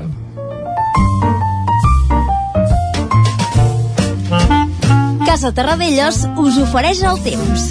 Ahir, en bona part del territori 17, va ser un dia mogut, meteorològicament parlant. Sembla que avui no va pel mateix cantó. Pep, Acosta, molt bon dia. Molt bon dia a tothom. Bon dia, bon dia. Les temperatures són fredes ara mateix. déu nhi si heu de sortir, agafeu una bona jaqueta, però aviat us sobrarà. De cara a migdia, la suavitat serà la protagonista. Però bueno, anem a pams, anem a pams. Aquest matí encara hi ha algun núvol, com dèiem, fred, algun núvol, hi ha poca cosa. De cara a migdia, molt més sol, només quedaran núvols residuals cap al Pirineu i entra l'anticicló, entra una falca anticiclònica que ja aviso que s'hi estarà bé i que durarà per dies. Molt de sol a la tarda, vents molt fluixos i atenció que mica en mica aniran apareixent les boires. Uh, cada dia boires més intenses, més, ex, més en, intenses i més extenses. Uh, seran més importants cada dia que vagi passant i cada dia que vagi passant tindrem més la inversió tèrmica. Com deia, que és molt protagonista a l'hivern i que fa que les temperatures siguin més baixes a les valls i més altes a les muntanyes. Això apareixerà ja. Uh, aquesta setmana ja tindrem aquí. Resumint, eh, molt, avui molta tranquil·litat, no es repetiran les tempestes precioses d'ahir, eh, va caure molta calamarsa en algun lloc, no crec que fes mal, però clar, si, si, si fa mal ja no són precioses, però va caure molta calamarsa sobretot a, a la zona d'Osona i també cap al Moianès, Uh, però bueno, això, eh, uh, van ser molt, molt, molt fotogèniques, com deia al principi. Avui no es repetiran aquestes tempestes, no en caurà ni una. Al matí encara una mica de núvols, però a la tarda hi ha molt de sol i unes temperatures a la tarda que pujaran. Mm -hmm. Ahir les màximes van moure entre els 15 i els 20 graus, avui ja tindrem algun valor superior als 20 graus, sobretot cap a la zona prelitoral. I mica en mica l'anticicló guanyarà cos, guanyarà força i guanyarà persistència, perquè durarà molts, molts dies. Carai. Moltes gràcies i en parlem demà. Adeu, bon doncs dia. vinga Pep, fins demà i Vicenç, se'ns acosta una castanyada potser màniga curta i tots si els auguris del Pep Acosta són, són reals, que sempre ho són, eh? Home, si estàs gaire a la vora del foc, segur que sí. Ah, sí, perquè ens hem de callar. Vinga, ara el que toca per això no és parlar de castanyades ni de meteorologia, sinó d'economia. Anem-hi. Casa Tarradellas us ha ofert aquest espai. Territori 17. Envia'ns les teves notes de veu per WhatsApp al 646 079 023. 646 079 023. WhatsApp Territori 17.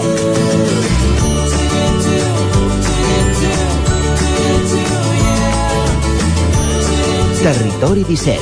Som a Facebook, Twitter i Instagram amb l'usuari Territori 17.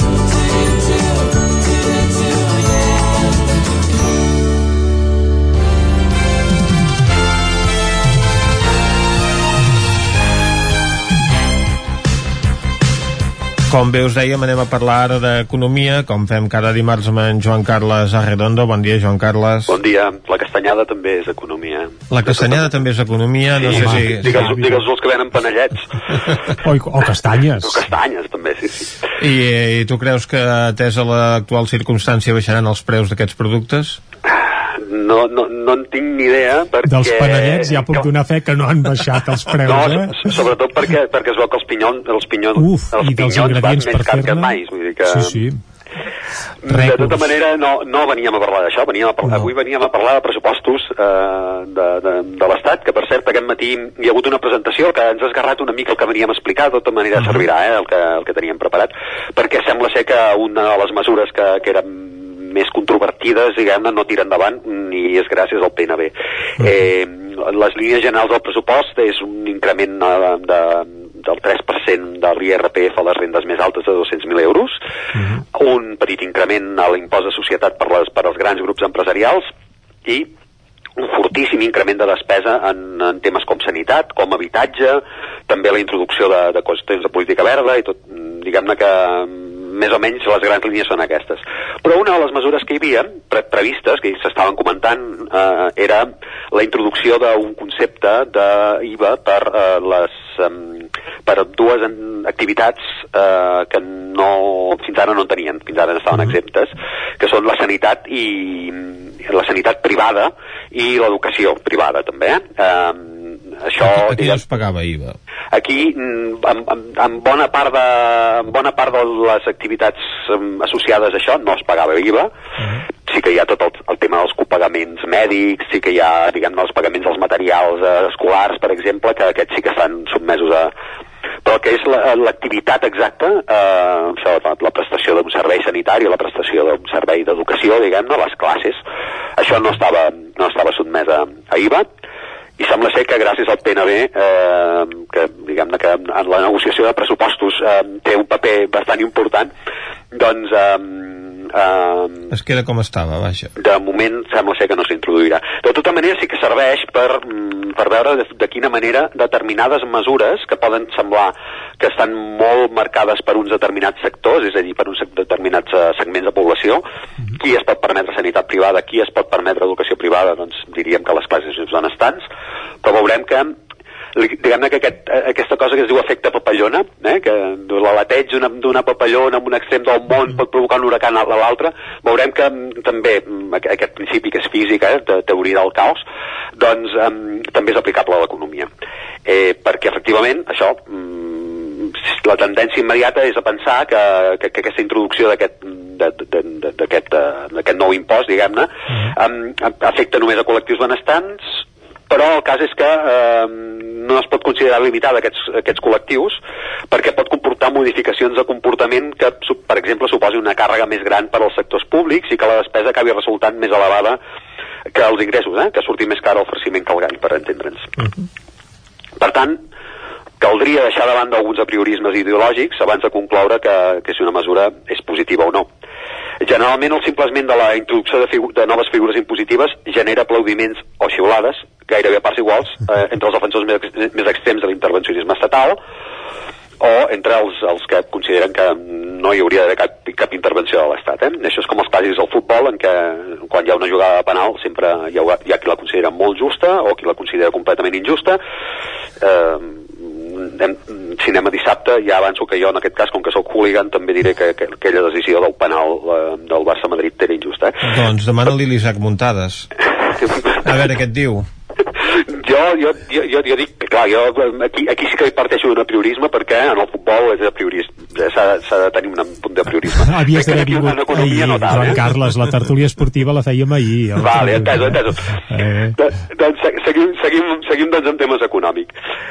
Um, L'aplicació d'un IVA sobre uns serveis que n'estaven exents des de fa una pila d'anys tampoc no deixin diferents els defensors extrems de reduir al màxim els impostos perquè aplicar-los són una trava al bon desenvolupament de l'economia. D'aquests en direm els Lafers eh? eh, el, el famós de la corba, corba de Laffer i els que consideren que els impostos són la fórmula de, per, per reduir els desequilibris i garantir uns mínims estàndards d'un estat de benestar eh, que han de garantir el sistema públic, de, en direm els Keynes eh, d'aquests. Mm, Laffers o Keynes, eh, blanc o negre però com sol passar amb moltes games de, gris entremig. Eh? L'alateig de la papallona arrenca la gènesi de la mateixa mesura. Eh, és un fet cert que l'Estat necessita recaptar més, ho necessitava abans de la pandèmia perquè els números no, ja no havien arribat a quadrar mai. Eh, l'Estat, ja, ja ho sabem, eh, que és un mal endèmic de l'Estat que recapta menys que els seus socis europeus, la despesa no estava tot controlada i els exercicis han acabat amb dèficits superiors als compromisos que s'havien eh, acumulat.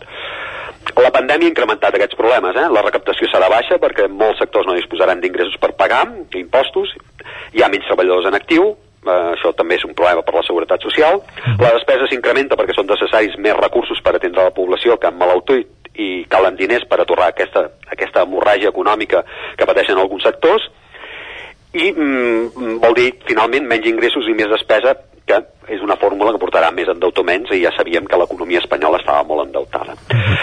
Per això es plantegen noves fórmules d'ingressar i la sanitat i l'educació privades eren sectors en els quals eh, fins ara el gruix de l'activitat estava exenta d'aquest IVA. Els càlculs que ha fet l'autoritat independent de responsabilitat fiscal, que és l'entitat consultora de, del govern que ha inspirat aquesta mesura, um, um, assenyalava que aplicar aquest 21% d'IVA comportaria in un increment d'ingressos de 3.400 milions d'euros, eh? no és poca cosa. El, és defensable perquè són serveis eh, que mm, es poden permetre les classes benestants i per tant eh, la mesura estaria marcada en el precepte de progressivitat que suposadament té la, té la política fiscal espanyola. Progressivitat significa que els impostos són redistribuïts perquè qui paga, paga, paga més qui més té, no? Si no s'apliquen matisos a aquesta afirmació, és cert que s'estava incentivant fiscalment les classes benestar perquè eren les que s'ho podien permetre i, i, i tenien aquestes, aquesta possibilitat, diguem-ne, sense aplicació d'impostos i això tindria poc de progressiu. El relat, però, té punts febles. No? El primer és que una mesura d'aquest estil tindria una repercussió calculada de 1.300 euros per família usuària d'aquests serveis. Uh -huh. Un impacte prou important com per pensar que tenim, com tenen alternatives menys costoses, sabem que la sanitat pública i l'ensenyament privat tenen pocs conceptes pels quals s'han de pagar, eh? el que dèiem abans, eh? algun copagament en medicines, els llibres escolars, eh, això per citar alguns exemples. Eh? Hi ha, doncs, prou gratuïtat com per ser una alternativa eh, en cas que els usuaris dels, eh, actuals dels serveis privats no vulguin o no puguin assumir el sobrecost que suposaria aquest increment del 21% de l'IVA. Això comportaria que la sanitat pública hauria d'assumir més servei, per tant més despesa, en un context en què ja és prou sabut que no és el més favorable per incrementar gaire l'activitat. Es dona, per tant, un efecte contradictori. Volent recaptar més, s'acaba gastant més. I en aquest cas no es pot considerar doncs, que això fos un negoci, un, un bon negoci. També passa que els cobraments d'IVA en la sanitat privada en d'altres països on està més generalitzada eh, té una contraprestació que alguns dels serveis que l'Estat no formen de, part del catàleg de l'oferta pública. Eh? Per exemple, hi ha països en què determinats costos odontològics estan coberts i aquí només hi ha cobertes diguem, les, les extraccions dentals, vull dir, no, no, no hi ha cobert res més. No? Eh, alguns d'aquests serveis sanitaris sobre els quals s'està plantejant aplicar IVA, com la fisioteràpia, la logopèdia, la pedagogia la mateixa odontologia, no, estan, no, no tenen totes les prestacions incloses en el catàleg públic i, per tant, això afecta tota la població. De manera que, allò que dèiem de l'efecte papallona, eh, l'IVA sanitari no és només una qüestió de rics. Per tant, hi ha punts a favor i punts en contres. La gamma de grisos eh, també Mm, porta que pogués haver-hi punts intermitjos en la mateixa mesura, eh? Si aplicar l'IVA ha de ser imprescindible, perquè es planteja necessàriament en tipus màxims. Eh? Uh, hi ha molts segments de, de, de serveis i productes que estan sotmesos a IVA reduïts. És, és una idea plantejable. De tota manera, avui en la, en la presentació de les línies generals dels pressupostos que han fet el, el president del govern espanyol i el vicepresident, aquesta qüestió concreta no ha aparegut com una de les eh, noves introduccions per guanyar recaptació que ara mateix eh, s'apunta que ha de ser també una prioritat. Eh, són mals moments per intentar incrementar eh, recaptació d'impostos. Mm, segurament serà molt impopular, però també és veritat que mm, són necessaris més recursos per atendre moltíssimes urgències que han sorgit arran de la pandèmia, no? Evidentment que sí, i s'hauran de buscar d'alguna manera aquests recursos per poder cobrir totes aquestes necessitats. Moltes gràcies, Joan Carles, per aquesta intervenció d'avui i aquest estudi sobre els pros i contres de l'aplicació de l'IVA a sectors que fins ara n'estan exempts, com són la sanitat i l'ensenyament privats. Fins la setmana que ve, Joan Carles. Fins la setmana que ve, que vagi bé. Doncs amb en Joan Carles Arredondo tanquem aquest espai d'economia de cada dimarts. Ara el que farem és una petita pausa i encarem ja la recta final del territori 17 d'avui uh -huh. parlant de meteorologia i medi ambient. Avui de medi ambient, eh? Coneixerem uh -huh. la història dels peixos migradors. Dissabte es veu que va ser el Dia Mundial de la Migració dels Peixos. Però vaja, d'això en coneixerem més detalls d'aquí una estoneta. Ara una pausa i tornem a dos quarts en punt. Fins ara.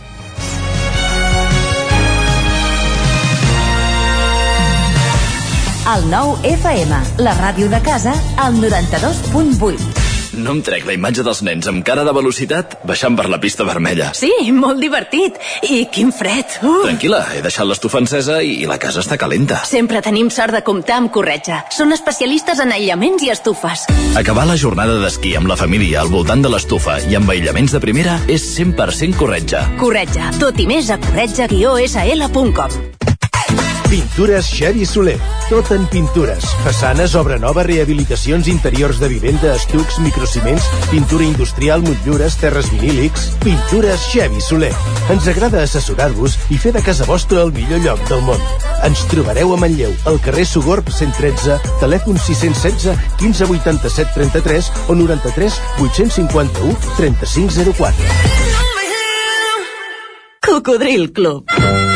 Si t'agrada la bona música dels anys 60, 70 i 80, escolta el 9 FM als matins de dissabtes i diumenges d'11 a 1. És el temps del Cocodril Club, tot un clàssic de la ràdio, amb les bases del pop-rock, les llegendes, les cançons que s'han convertit en autèntics himnes. Recorda, dissabtes i diumenges al matí, d'11 a 1, al 9 FM 92.8. Cocodril Club, el programa revival de l'Albert Malla. Hasta luego, cocodrilo. Coberta serveis funeraris. Els nostres tanatoris estan ubicats en els nuclis urbans més poblats de la comarca d'Osona per oferir un millor servei. Tanatori de Vic, Tanatori de Manlleu, Tanatori de Centelles i Tanatori de Roda de Ter. Sabem que són moments difícils i per això el nostre compromís és atendre-us en tot moment amb un tracte humà, sensible i respectuós. Coberta serveis funeraris. Telèfon 24 hores 93 883 23 46.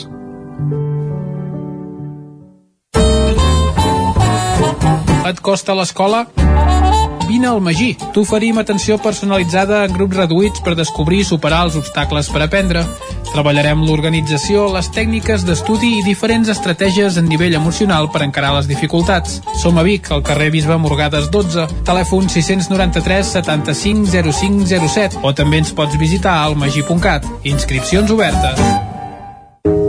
Cada territori té un atractiu o més d'un. El fruit, el paisatge, la seva gent, les pedres... Camins de l'Eix. Descobrint el capital de terra endins. Camins de l'Eix, dissabte a les 9 del vespre al 9 TV. Aquesta setmana, al Lluçanès, amb el suport de la Generalitat de Catalunya. 7 milions i mig de futurs.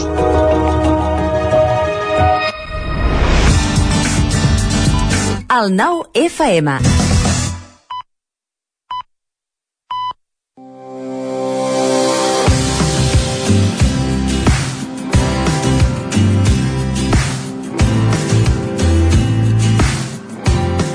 Si recordeu, ahir vam començar la comarca del Solsonès, per tant, avui seguim descobrint els seus indrets.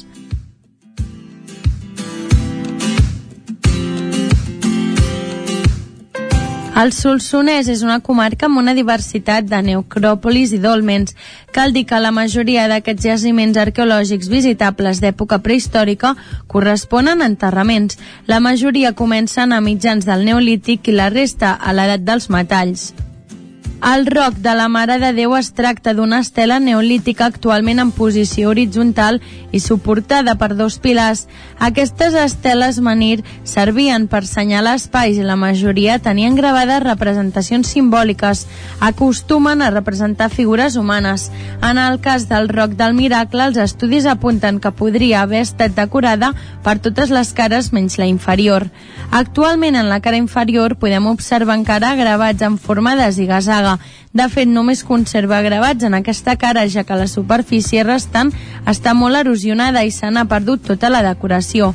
En el seu emplaçament actual, el roc de la Mare de Déu s'utilitzava per a el terme. El cementiri de la necròpolis Salzer està format per dos sepulcres utilitzats entre el calcolític i el bronze antic, Tipològicament correspon a dues cambres pirinenques, caixes de lloses amb accés frontal mitjançant una llosa rebaixada i un petit vestíbul i tot el conjunt cobert per un túmul. La fosa del Camí dels Casals és una cista neolítica que data del 3000 abans de Cris. Aquest sepulcre es troba orientat des a oest al costat del Camí dels Casals, per on passa el GR3 i la ruta de les Mentides, fet que el fa visible per aquelles excursions que freqüenten la zona. Va ser restaurada el 2010 i es troba en un bon estat de conservació. Conserva dues lloses laterals, la de tancament frontal i la llosa de coberta. Les dues són de gres i conglomerat.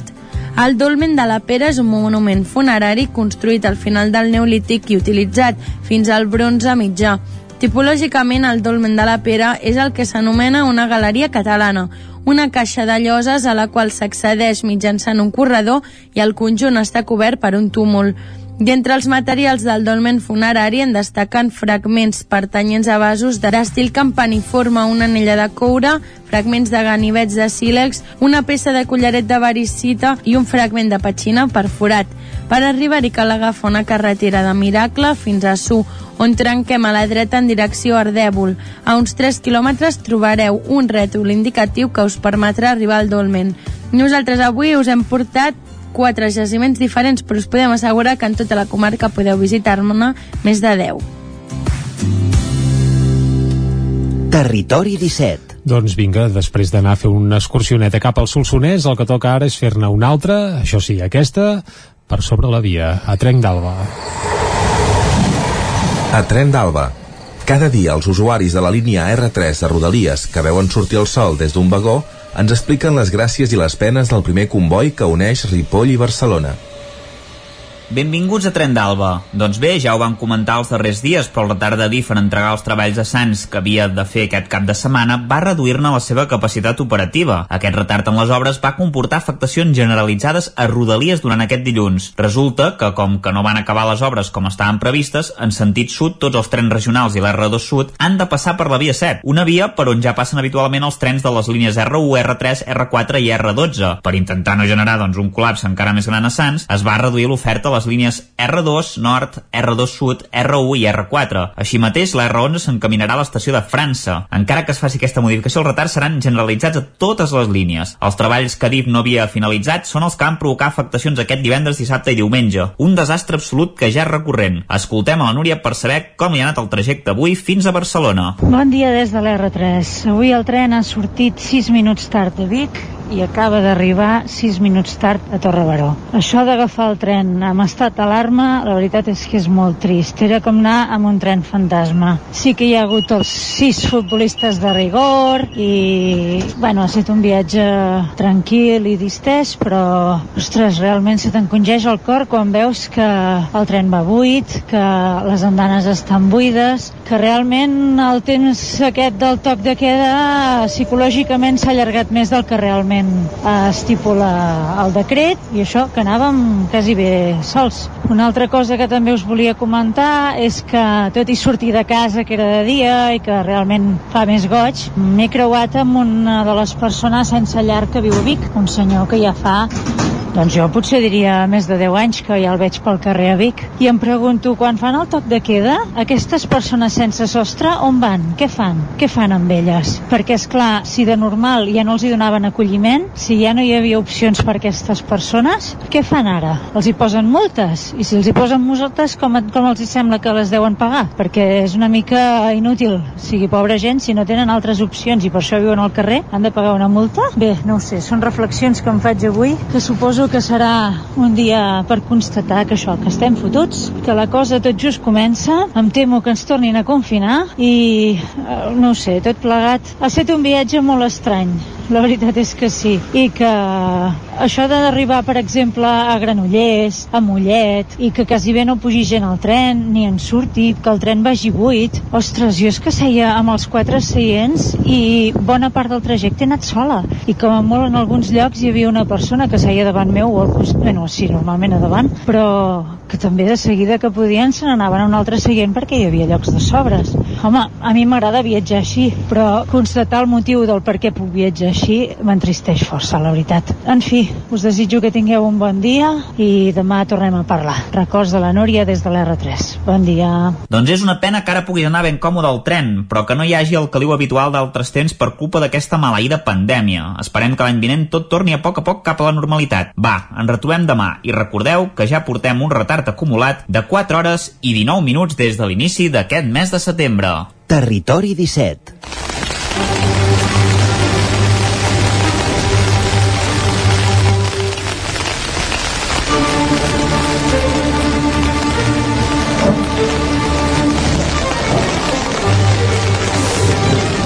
Comencen els violins, comencen els llamps i trons, això no vol dir que estigui plovent, perquè fins i tot crec que ja s'ha llevat el sol i tenim un dia esplèndid, ja ens ho ha augurat el Pep Acosta, però això el que sí que vol dir és que entrem de ple a la secció de Meteorologia i Medi Ambient.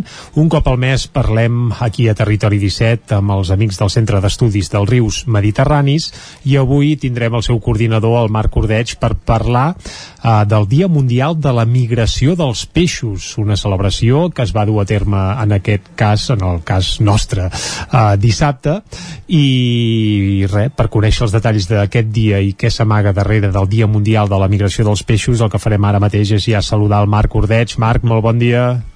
Hola, bon dia. El Marc, coordinador del Centre d'Estudis dels Rius Mediterranis i Marc, molts de nosaltres no sabíem ni que existís un dia mundial de la migració dels peixos, eh? això ha estat tot un, tot un descobriment. I això deu voler dir que els peixos migren. Sí, això vol dir que els peixos, com els ocells, la gent veu les cigonyes que van amunt i avall, o altres ocells que tot plegat passen amb grans, amb grans estols, doncs els peixos també, també migren. De fet, tots els peixos que tenim als nostres rius, quan dic tots, vull dir tots els peixos dels nostres rius, han de fer migracions, han de fer moviments per poder eh, reproduir-se o alimentar-se, en el fons per poder sobreviure com a espècie, eh? perquè a la millor sense, sense haver fer migracions un individu pot arribar a sobreviure, eh? però perquè una espècie es mantingui, les diferents espècies que tenim aquí han de poder fer moviments uh -huh. eh, per, per exemple, doncs, per anar-se'n a reproduir en un lloc molt concret o per anar-se'n a alimentar en un altre lloc molt concret o per refugiar-se enfront d'un cop de riu o d'una secada, etc. Uh -huh. Bé, sabem que a més a més en els eh, rius i en concret al Ter s'han fet alguns passos d'aquests perquè els peixos doncs, puguin remuntar riu amunt. Quan parlem de migració dels peixos tots recordem doncs, això, aquestes remuntades que fan peixos marítims moltes vegades per anar-se a reproduir, no? Exacte, nosaltres quan parlem d'això moltes vegades la gent se'n recorda d'aquestes filmacions Sobretot del salmó, eh? eh potser és el més, eh? el més famós, diguem-ne, en aquest sentit. Sí, uh -huh. clar, és un peix molt gros i molt valent i que fa uns salts molt, molt espectaculars a fora de l'aigua i que a l'època de reproducció doncs, eh, ve, de, ve del mar i s'instal·la doncs, als rius i va pujant, va pujant fins a les capçaleres, a llocs amb poca profunditat que ell, aquests animals tan grossos, no, no, no, hi, no hi podríem viure, però en canvi és un bon lloc perquè hi puguin, se puguin desenvolupar els alevins, els petitons, no? I llavors allà fresen, eh? allà ponen els ous i els mascles deixen anar l'esperma al damunt dels ous i aquests ous doncs, es tornen eh, més xifosos, es queden enmig de la sorra, de la grava, eh? I, i, i al cap d'una setmana surten una generació nova de salmonets eh? que s'està un temps al riu i que a la llarga tornarà una altra vegada cap al mar. Eh? Uh -huh. Els individus adults doncs, el que faran és o bé morir-se o bé tornar-se al mar, alimentar-se, créixer, recuperar-se i al cap d'un o dos anys tornar a entrar als rius. Això uh -huh. ho hem vist perquè eh, hem vist aquestes filmacions també d'aquells ossos que, que agafen els salmons o de gent amb, amb no sé, eh, emulant els indis americans amb, amb grans salabres en els llocs on tenen dificultats de passar, agafar-los, eh? però coses molt semblants succeïen i encara succeeixen en el nostre país amb les espècies que tenim aquí. És a dir, això al riu Ter, per exemple, aquest dissabte, no ho hem dit, però sí que vau fer una espècie d'activitat, eh, evidentment amb les distàncies i tenint en compte la situació actual d'alerta sanitària, ja m'imagino que no va ser una sortida massiva, però sí que vau fer una espècie d'activitat precisament per donar a conèixer la migració de, dels peixos i en aquest cas el, el riu Ter, eh? Això va ser dissabte, eh? Uh -huh. Dissabte el que vàrem fer era una, una sortida, un acte, que al fons era un taller sobre els peixos i els peixos que viuen al, al riu Ter, ho vàrem fer a Manlleu, ben bé davant del Museu del Ter, uh -huh. i el que vàrem fer és amb un aparell de, de pesca elèctrica, que és un sistema mm, pseudomàgic, eh? Un... Ara, pla, ens, ens l'hauràs d'explicar, aquest sistema. Pseudomàgic, perquè, clar, és que fem servir una... Això és pescar amb trampa, una... això. Aquesta pesca no, científica. No, absolutament. Els pescadors tinguessin això, escolta, eh, seria una passada, eh? De fet, està prohibit fer-ho servir per, per, per pesca comercial o esportiva, només es pot fer servir per temes de recerca, eh? Uh -huh. i nosaltres estem fent servir per temes de divulgació científica, eh? I perquè, a més a més, no acaba amb la mort dels peixos, aquest sistema. No, no, no, no per això ho, ho, fèiem. No vol dir que no es pugui morir algun peix, perquè tot quan tu remenes animals tan delicats pot morir-se algun peix amb, sense -huh. voler, diguem, però no és l'objectiu uh -huh. i en principi no se n'ha de morir ni un. Eh? Uh -huh. I el que fem és fer un, crear un camp un camp elèctric a l'aigua que actua com a camp magnètic pels peixos i els atrau, els atrau, eh? I que hi ha, hi ha un pol positiu, un pol negatiu, i els peixos per la configuració que tenen ells, venen cap allà on ets tu. És el somni dels pescadors. Això. És com més gros són, com més grossos són, més fàcil és, o sigui, més venen els peixos. Els peixos petits costen més de traure. Eh? Uh -huh.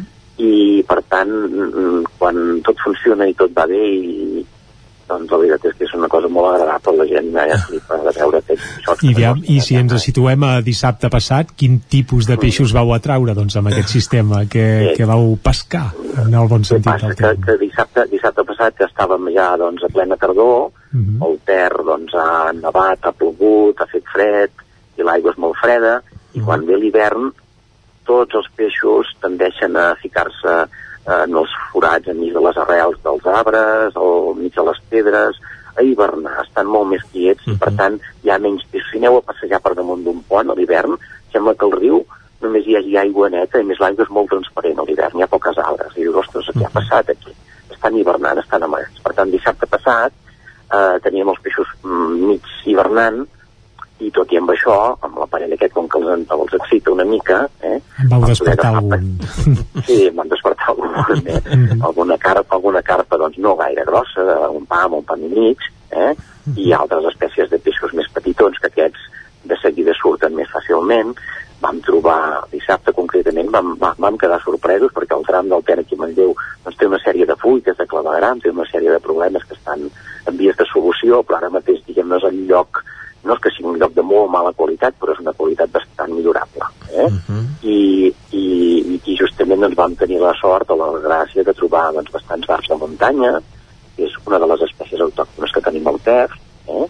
però la resta d'individus, del voltant de, no sé, potser van pescar 200 peixos. Eh? Se'n pesquen molts, eh, en aquest sistema. Clar. I en un tram de riu amb 100 metres pots pescar 5, 8 o 10.000 peixos. Carai, ja Però no dit. tots són grossos, eh? N'hi ha molts de petitons, eh?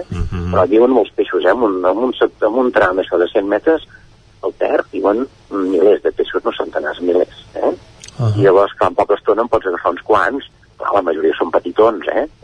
I, i vam trobar doncs, una proporció de barbs superior a la que havíem trobat els últims anys i altres espècies invasores que també trobem aquí que s'aprofiten doncs, d'aquests d'aquests trams que hi ha una mica més mal, mala qualitat o de les trossos de l'aigua que l'aigua està més tranquil·la degut a les rescloses eh? vam trobar per exemple doncs eh, el, el, el, el pistol, vam trobar uh, un, una espècie de, un ciprínic, una mena de carpeta que es diu rutil, que han deixat anar els pescadors, molts barons, que és un, un peixet que van portar els pescadors per fer-ho servir d'esquer per agafar truites i, i després se'ls hi van escapar, els van deixar anar i ara han estat ple el riu, uh, vam trobar també llops de riu, que són, el nom no fa la cosa. Llops de riu, aquest no el coneixem. Sí, és un peixet petitó amb, amb unes barbetes molt, molt mono, eh, diguem, però és invasor, no tocaria que fos aquí.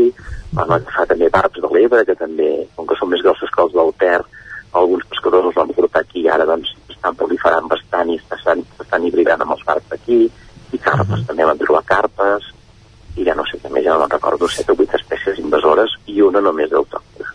que seria el barb de muntanya, l'únic autòcton que vau trobar, diguem-ne. Tot i, tot i que la carpa gairebé li podríem considerar, no?, amb el temps que fa que, que no, no, no, aquí.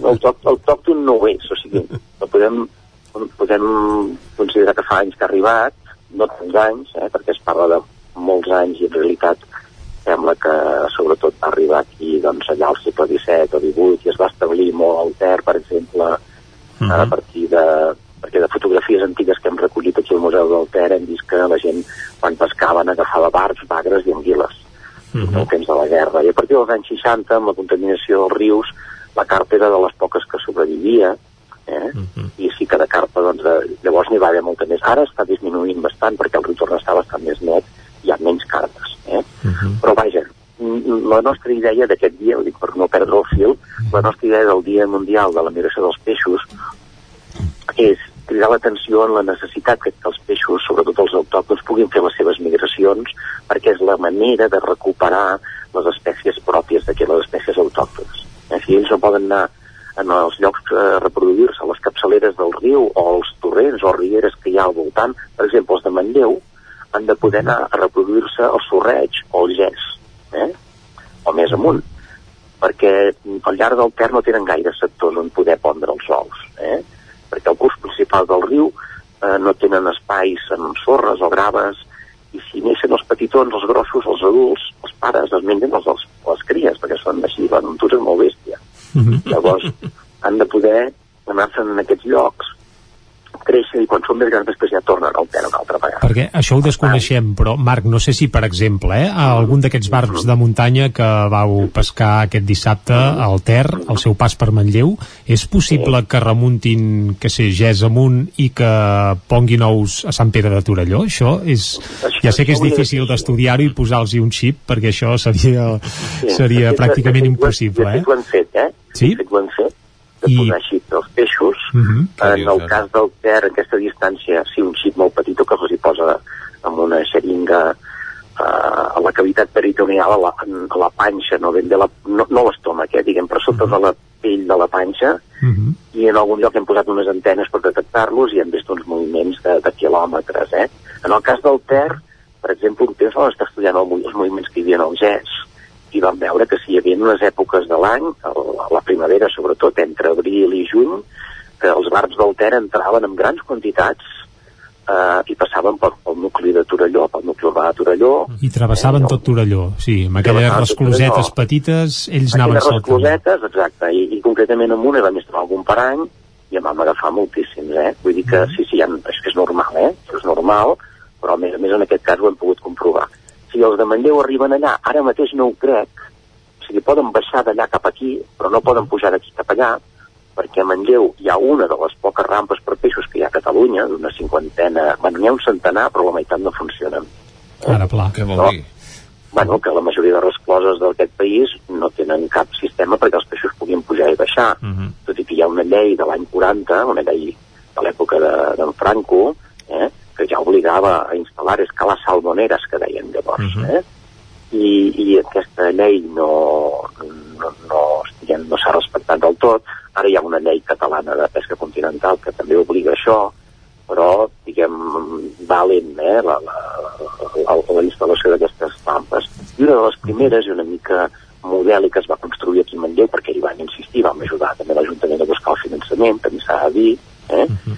I és una rampa que queda a la resclosa de la Telva, que és la resclosa del canal industrial de Manlleu, i allà sí que hem vist que passaven tots els peixos i perfecte. Eh? Uh -huh. Però la següent ja, que és la de la fàbrica de la resclosa del, del Dolcet, allà no té rampa per peixos i per tant a no sé que hi hagi un dia de molta pluja i puguin passar pel costat perquè el nivell del riu sigui molt alt, ho tenen molt difícil. I com que hi ha una resclosa cada 850 metres més o menys, d'aquí al Gès o d'aquí al Sorreig, eh, no és impossible al 100%, però és molt complexa. Uh -huh. D'aquí que es, fes el, que es faci la celebració aquesta de, del Dia de, Mundial de la Migració dels Peixos per reclamar que ells també tenen dret a tenir llibertat de, de moviment si així el que volem és recuperar uns rius amb, amb diversitat i uns rius amb les espècies que pertoquen aquí, etc. Perquè si no només tindrem les espècies aquestes pròpies d'aigües quietes, eh, que són la majoria espècies invasores. Que aquests no serien migradors, eh, entenem, o també? Per exemple, la, la carpa, no sé si si s'enfila gaire amunt, que citàvem abans, eh? O gaire avall. Les carpes, carpes, amb estudis que hem fet aquí a l'Ebre i altres llocs que hem treballat, veiem que tot i que les veus molt grassotes i sembla que no puguin moure's, arriben a saltar, doncs, eh, jo què sé, 20 centímetres o 30 els poden arribar a saltar, eh? Però elles fan una migració diferent, les carpes. En els rius de centre Europa, que hi existeixen de fa molts anys, quan a la primavera pugen de nivell, eh, com que s'inunden les planes aquestes que hi ha molta herbeta, el que fan és ficar-se dins d'aquestes planes amb herba i allà fresen, allà ponen els ous. Més que anar riu amunt, vas cap, cap als costats. Eh? Uh -huh. Això ho hem vist aquí també, eh? en alguns sectors, per exemple, a Manlleu es pot veure en algun cas quan s'inunda algun sector com el del Meandre del Gelabert, per exemple, que és un dels pocs boscos de ribera de bona qualitat que tenim per aquí a la vora, doncs pots veure que les carpes entren allà i poden fresar, o més amunt a les illes de l'illa del Sorral, a les Magies de Voltregà, per exemple, doncs que les carpes també entren a fredar allà. Eh? Però vaja, tenen, fan uns moviments diferents. Cada espècie fa moviments una mica diferents. I la carpa, justament, en lloc d'anar amunt, va cap als costats. Eh? Són així. Ja veig que per fer pedagogia i acabar de, de fer arrelar el tema de la migració dels peixos, algú haurà de fer una espècie de documental, com n'hem vist i citàvem abans dels salmons, per exemple, amb el cas del barc de muntanya, eh? Això seria, seria important fer pedagogia en aquest sentit, perquè molt poca gent té, té coneixement de que existeixin aquestes migracions i que precisament un dels perills o vaja, dels impediments que tenen els peixos per poder-ho fer són algunes rescloses que a més a més avui eh, moltes d'elles ja no tenen l'ús per les quals es van construir. En aquest sentit ja ens has comentat alguna vegada que des del Centre d'Estudis dels Rius Mediterranis treballeu precisament per això, no? per abolir algunes d'aquestes rescloses. No sé si a curt termini n'hi ha alguna que pugui anar a terra, Marc, si ja teniu alguna resclosa que, això, que, de la qual puguem prescindir fitxada. Mm, De fet, aviam, si no vaig errat, em sembla que en el termini d'un any o menys d'un any, del Ter, com a mínim, hi ha la rescosa de, de Matabosc a Torelló, que ja hi ha un acord amb l'Agència Catalana de l'Aigua perquè la, la enderroquin, també per evitar problemes d'inundabilitat de- d'un polígon que s'ha construït al costat del Ter. També n'hi ha unes a la Riera Major, que també aniran a terra perquè estan en desús, a, a, a l'espai natural hi havia Sabassona, entre Espinelves i, i, i Sant Sadamés de Mort, eh? però bé, també les que no, s'han, les que no han d'anar a terra també s'han d'anar posant al dia i de fet, de mica en mica doncs es van, es van establint eh, rampes per peixos, alliberament de cabals ambientals perquè hi hagi prou aigua, etc. I, i per això fem aquestes, aquestes activitats, aquestes jornades a tot el món, perquè ho han fet i Manlleu, però s'han fet activitats d'aquest tipus. Sí, sí, el dia és mundial, eh? Ja ens, ja ens ha quedat clar que és dia mundial. Sí, sí, la veritat és que surt, eh? Surt Manlleu amb un, amb un mapa que hi ha de la Wolf Migration Foundation, que té la seu a Holanda, i surt el, el pic de Manlleu allà en aquest cas, eh? I, i bé, eh, i de difusió, mira, jo ara ja aprofitant que estem en un lloc així de, fent gent, no? Eh, de difusió hi ha una història que és divertida, perquè la varen fer fa uns anys, que és un conte sobre la vida de l'anguila, eh, que és un peix uh -huh. que fa la migració més espectacular a tots els peixos que tenim aquí. Eh? L'anguila és, és, és l'estrella en aquest sentit, vaja. Uh -huh. L'anguila és la que fa la migració més uh -huh. bèstia, quasi de les, de les espècies que coneixen a escala mundial. Va, És un animal 5 que- cèntims d'aquesta migració, Marc. Què fa l'anguila? L'anguila n'hi havia hagut a, a Catalunya, eh, al riu- a l'interior, ara ja no pot passar allà on hi ha grans embassaments, com és el cas d'Osona i el Ripollès, no hi arriba, però per exemple arriba a l'anterior programa vam, vam comentar que havíem agafat alguna al Vallès, a Granollers, per exemple, al Congost n'hi ha, o, o al tram final del Ter o de l'Ebre. Eh? Però és una espècie que necessita viure una part del temps de la seva vida en aigua dolça. Les, els animals de les anguiles que viuen en aigua dolça es tornen femelles. Eh? I els que es queden arran de mar a les aigües salades, les lobres, es tornen mascles. Eh? Uh, el sexe i els peixos és un tema a part, no? per parlar molt. Eh? Llavors, quan aquests animals tenen una edat, entre 8 i 12 anys, depèn de si són mascles o femelles, els hi ve un instint d'anar-se'n de juerga, d'anar-se'n a reproduir, Per sort, ells no estan confinats.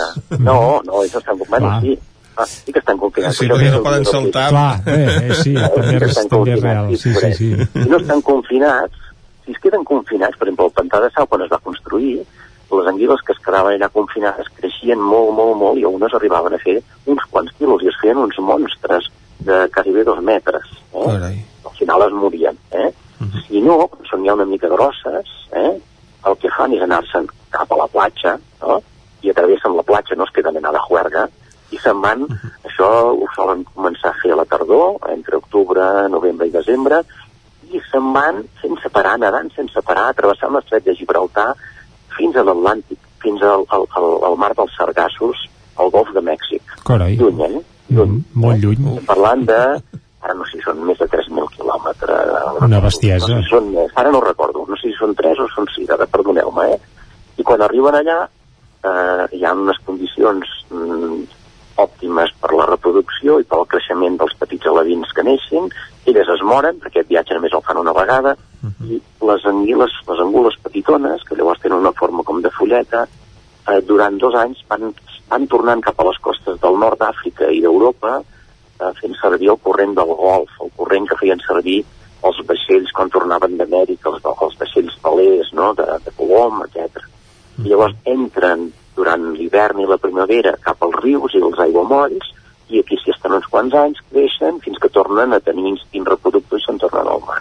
Vull dir que és una història molt curiosa, la de l'anguila, i, i, i bé, ara mateix ens sap greu, però jo que tinc 54 anys, jo no havia pescat de petit aquí a Manlleu, i ara ja no n'hi ha, eh? perquè no hi ha, no hi ha ascensors per peixos o rampes per peixos als grans embassaments. Però potser en un futur, és a saber, aconseguim que se'n facin també. Esperem, esperem que sí sigui. Marc Ordeig, moltes gràcies per deixar-nos embadalits amb la història de la migració ara mateix, per exemple, de l'anguila.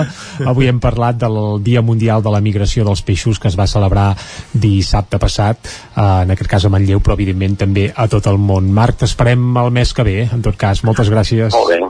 Que vagi molt bé. Gràcies a vosaltres. Adéu. Vinga, i Vicenç, nosaltres el que hem de fer ara ja és acomiadar-nos. Exacte, hem acomiadat en Marc i també hem d'acomiadar els nostres oients d'aquest territori 17 d'avui dimarts. Un programa que hem fet Clàudia Dinarès, Òscar Muñoz, Caral Campàs, Isaac Muntades, David Oladell, Pepa Costa, Isaac Moreno, Guillem Rico, Xela Falguera, Joan Carles Arredondo, Núria Lázaro, Jordi Sunyer i Vicenç Vigues. Nosaltres tornarem demà, com sempre, des de les 9 del matí i fins a les 12 del migdia. Adeu. Ciao.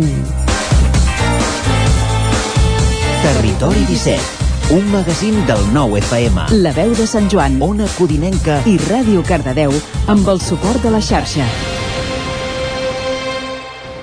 El nou FM